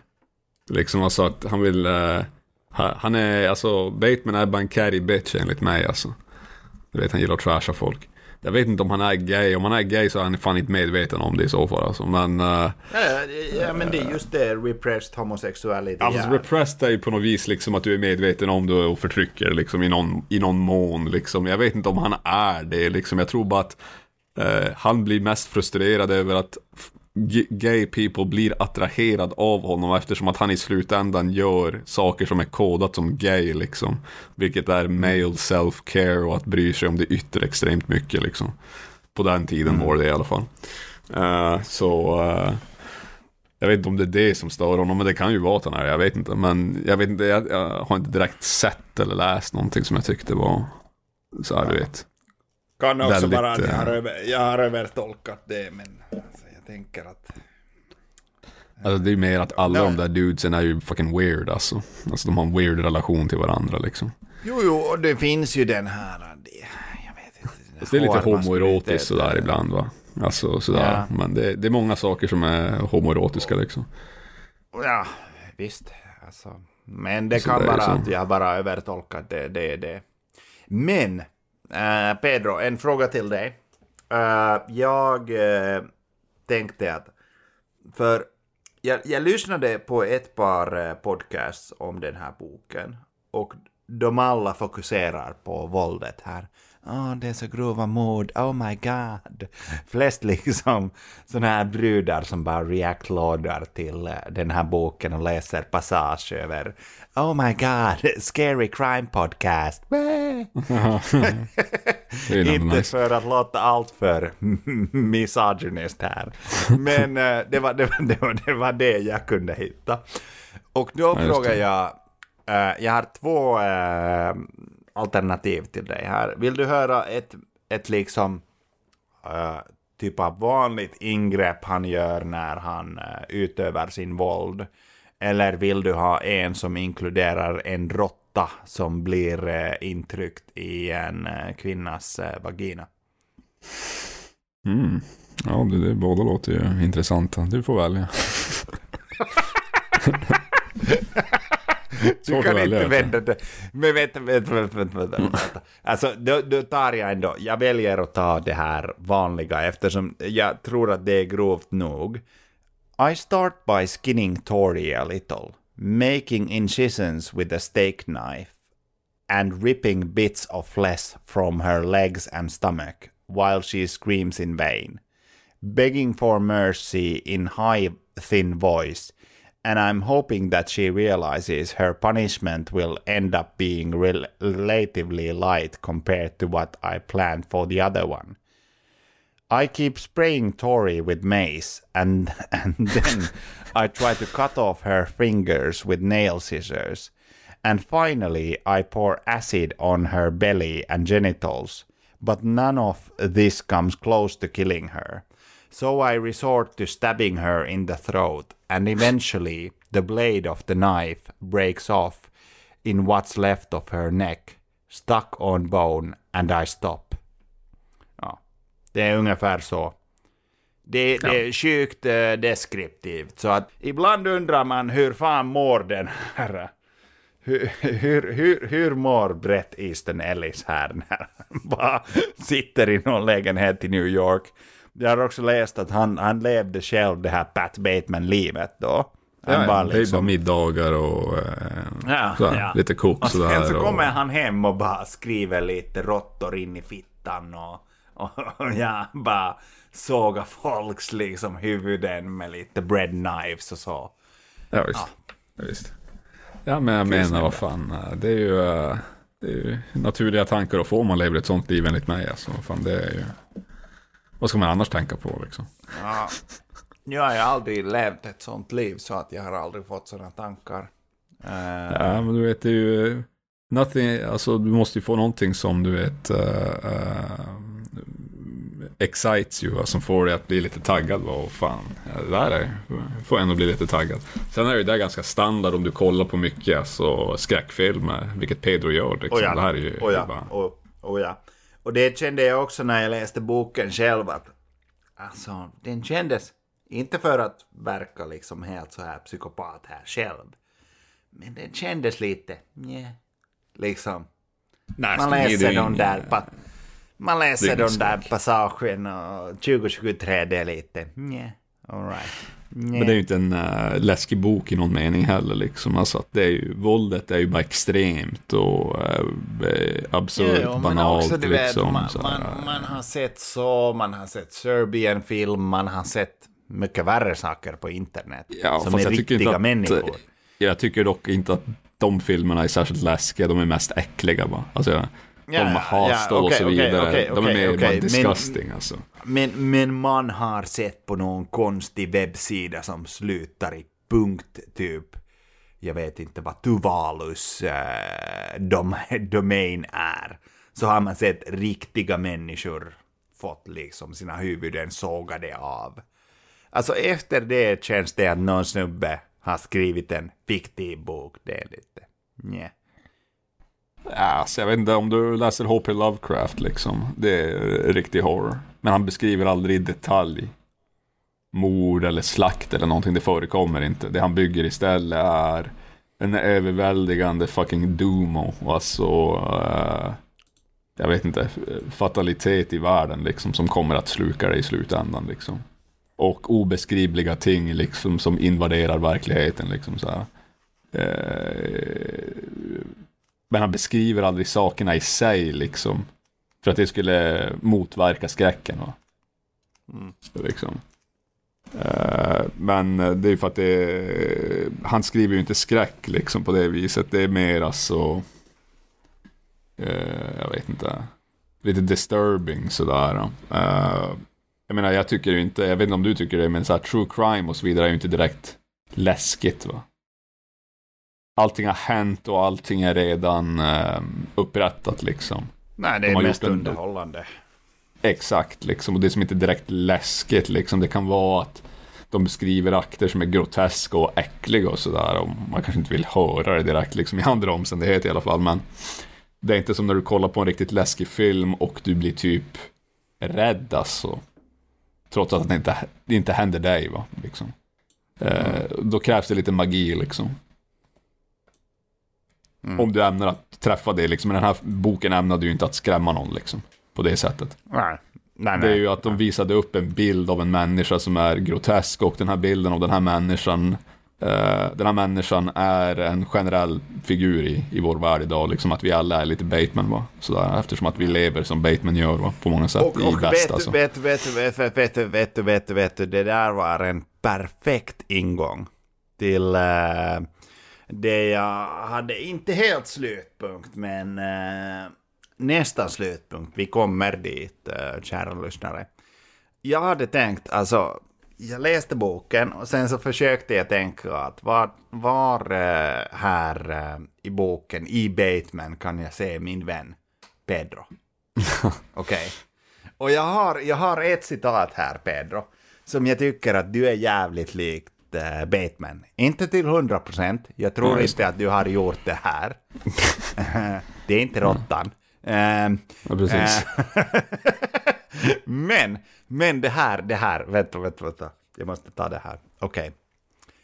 I have no patience for revelations, for new beginnings, for events that take place beyond the realm of my immediate vision. A young girl, a freshman, I met in a bar in Cambridge, my junior year at Harvard, told me early one fall that life is full of endless possibilities. I tried valiantly not to choke on the beer on the beer nuts I was chewing while she gushed this kidney stone of a wisdom. I calmly washed them down with the rest of, of my Heineken smiled and concentrated on the dark game that was going on in the corner. Needless today to say, she did not live to see her sophomore year. that winter, her body was found floating in the Charles River, decapitated. her head hung from a tree on the bank. Her hair nodded around the low hanging branch three miles away. My rages at Harvard were less violent than the ones I have now, and it's useless to hope that my disgust will vanish. There is just no way. För att, vet du, det där är så du. Jag har varit på fester med dig där folk säger såna här, såna här tom, tomma saker till dig. Som att life is, is full of endless possibilities. Eller typ det finns flera fiskar i havet. Och du bara tittar med, på dem med sån här sjuk jävla Bateman-blick. Och alltså jag tror att det där skulle kunna, nu, nu säger jag inte att det finns. Kroppar eh, någonstans nära Knäckebyhult var ja, vi bor. Men... I Knäckebyhult sker inga brott. Nej, det är det. Det är, det. Det är ju Bulletburn. Det är Bulletburn-samhället vi alla vill tillbaka till. Ja, eller så är det som staden i Blue Velvet att uh, det finns en Dennis Harper där och han är fucking crazy alltså. Men uh, du måste väl ändå erkänna någonstans att du känner igen dig där? När någon ja, säger sån där att, uh, att man stör sig Att man stör sig på människor som säger sådana här saker eller bara att höra sådana här saker. Ja, alltså det är ju... Uh, disgust is a light word to use, om man säger så. Alltså det är ju... Uh, det, det, om man blir ledsen över någonting så är det ju sånt alltså. men...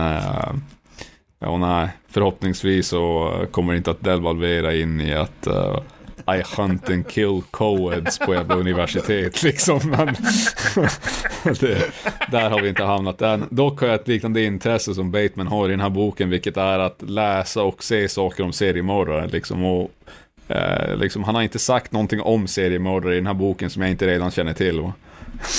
om vi säger så.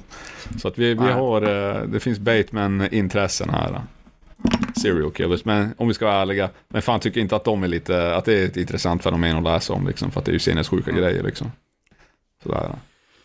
Come on Nej, man. Men, så att om ni undrade, det där är uh, Bateman i Pedro.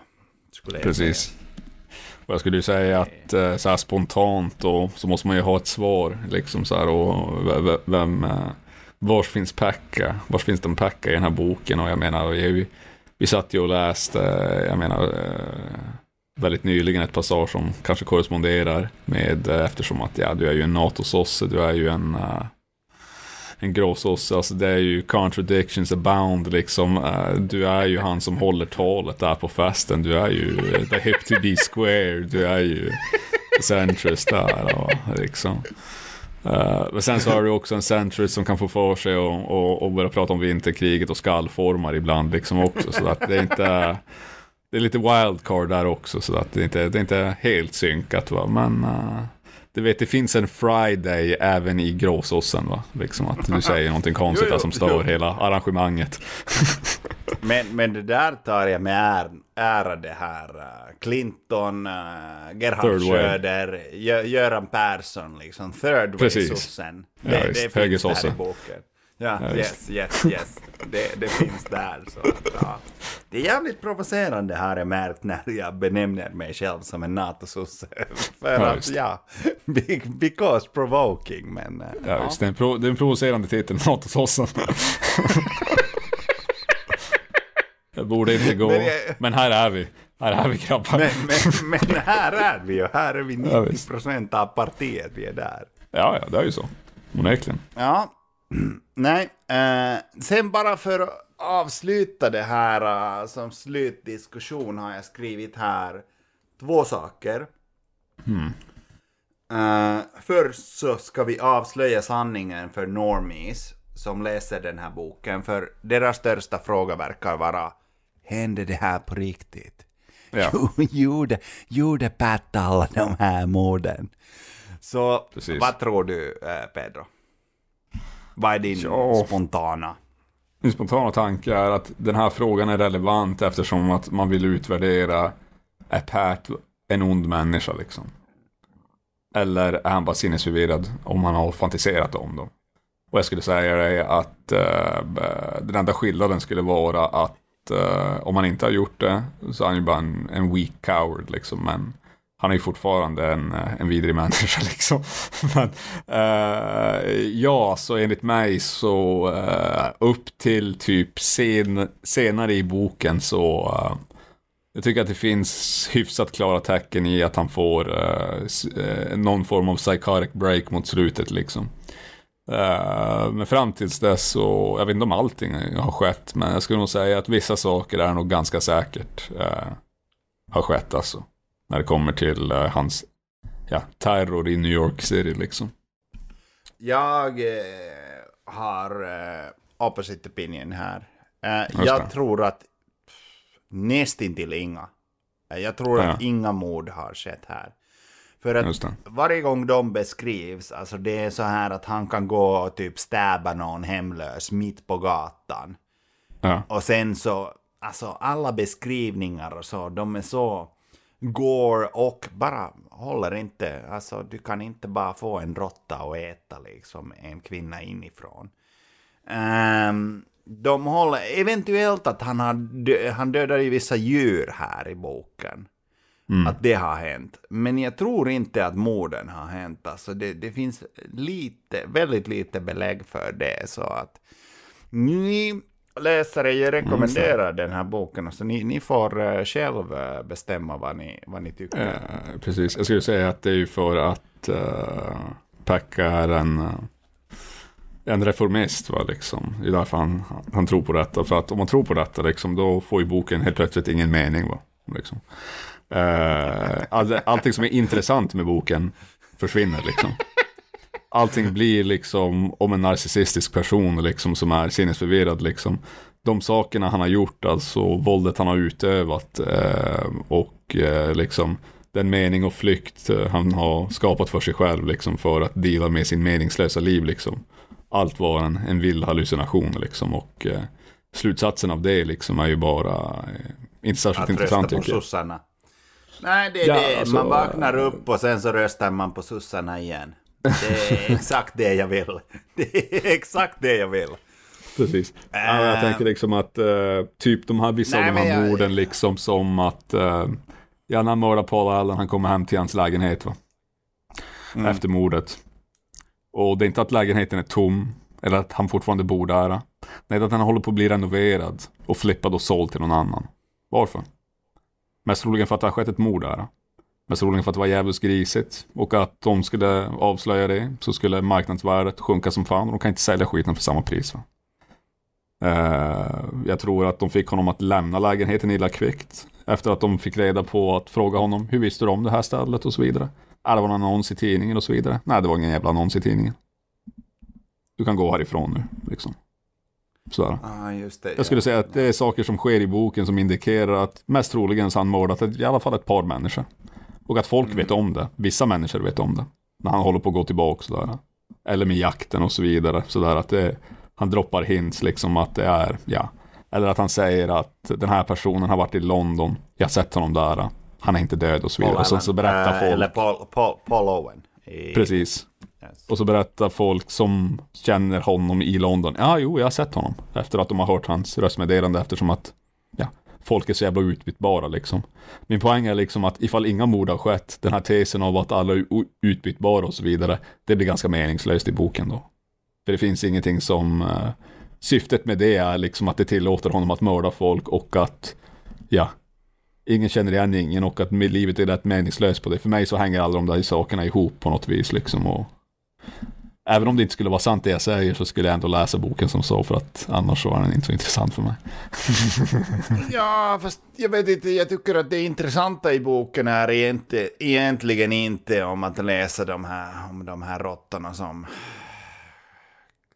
kuvlar upp där i eh, kvinnors underliv och så, utan det, det är ju hans interna monologer som att när han, när han äh, sitter, står på den där äh, pissoaren eller när han säger att I'm not all there och så vidare. Precis. Alltså att budskapet finns trots att man tar en del av boken bort. Jag vet inte, för referenten till hans beteenden är ju liksom det där. I slutändan att han lever ett dubbelliv. Ja, men att han även inte om du... fullkomligt är den han säger att han är liksom.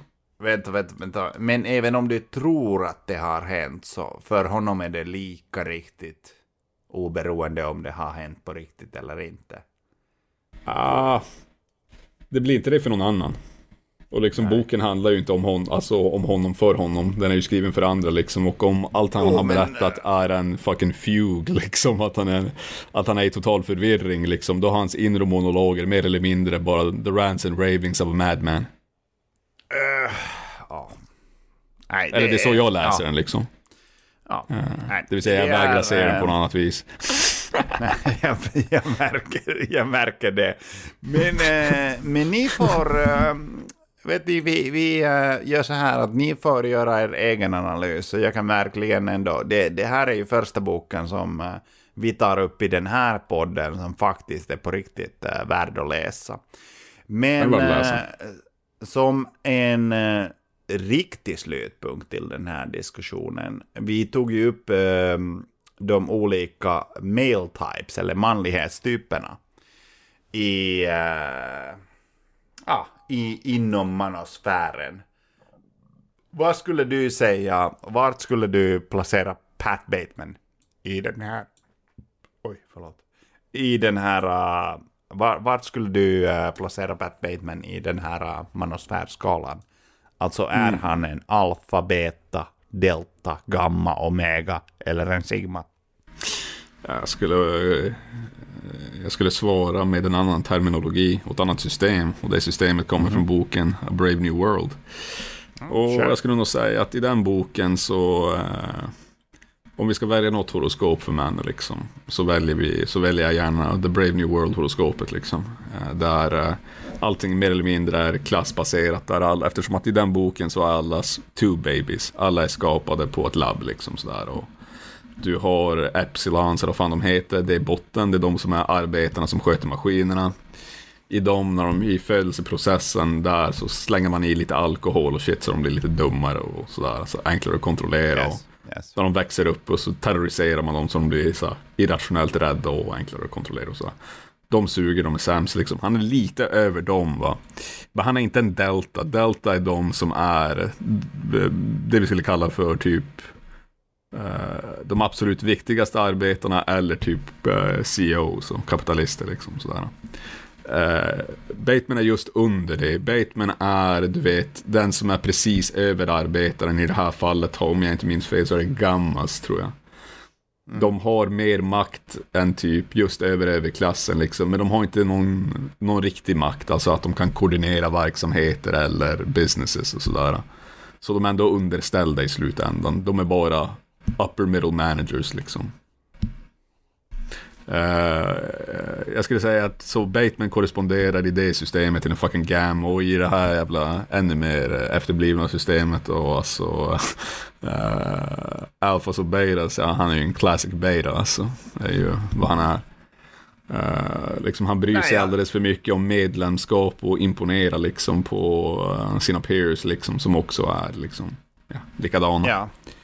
Uh, bara, bara för att repetera alltså den här vetenskapliga beskrivningen av beta som vi läste upp tidigare, det var eh, beta. You are very normal and frankly forgettable.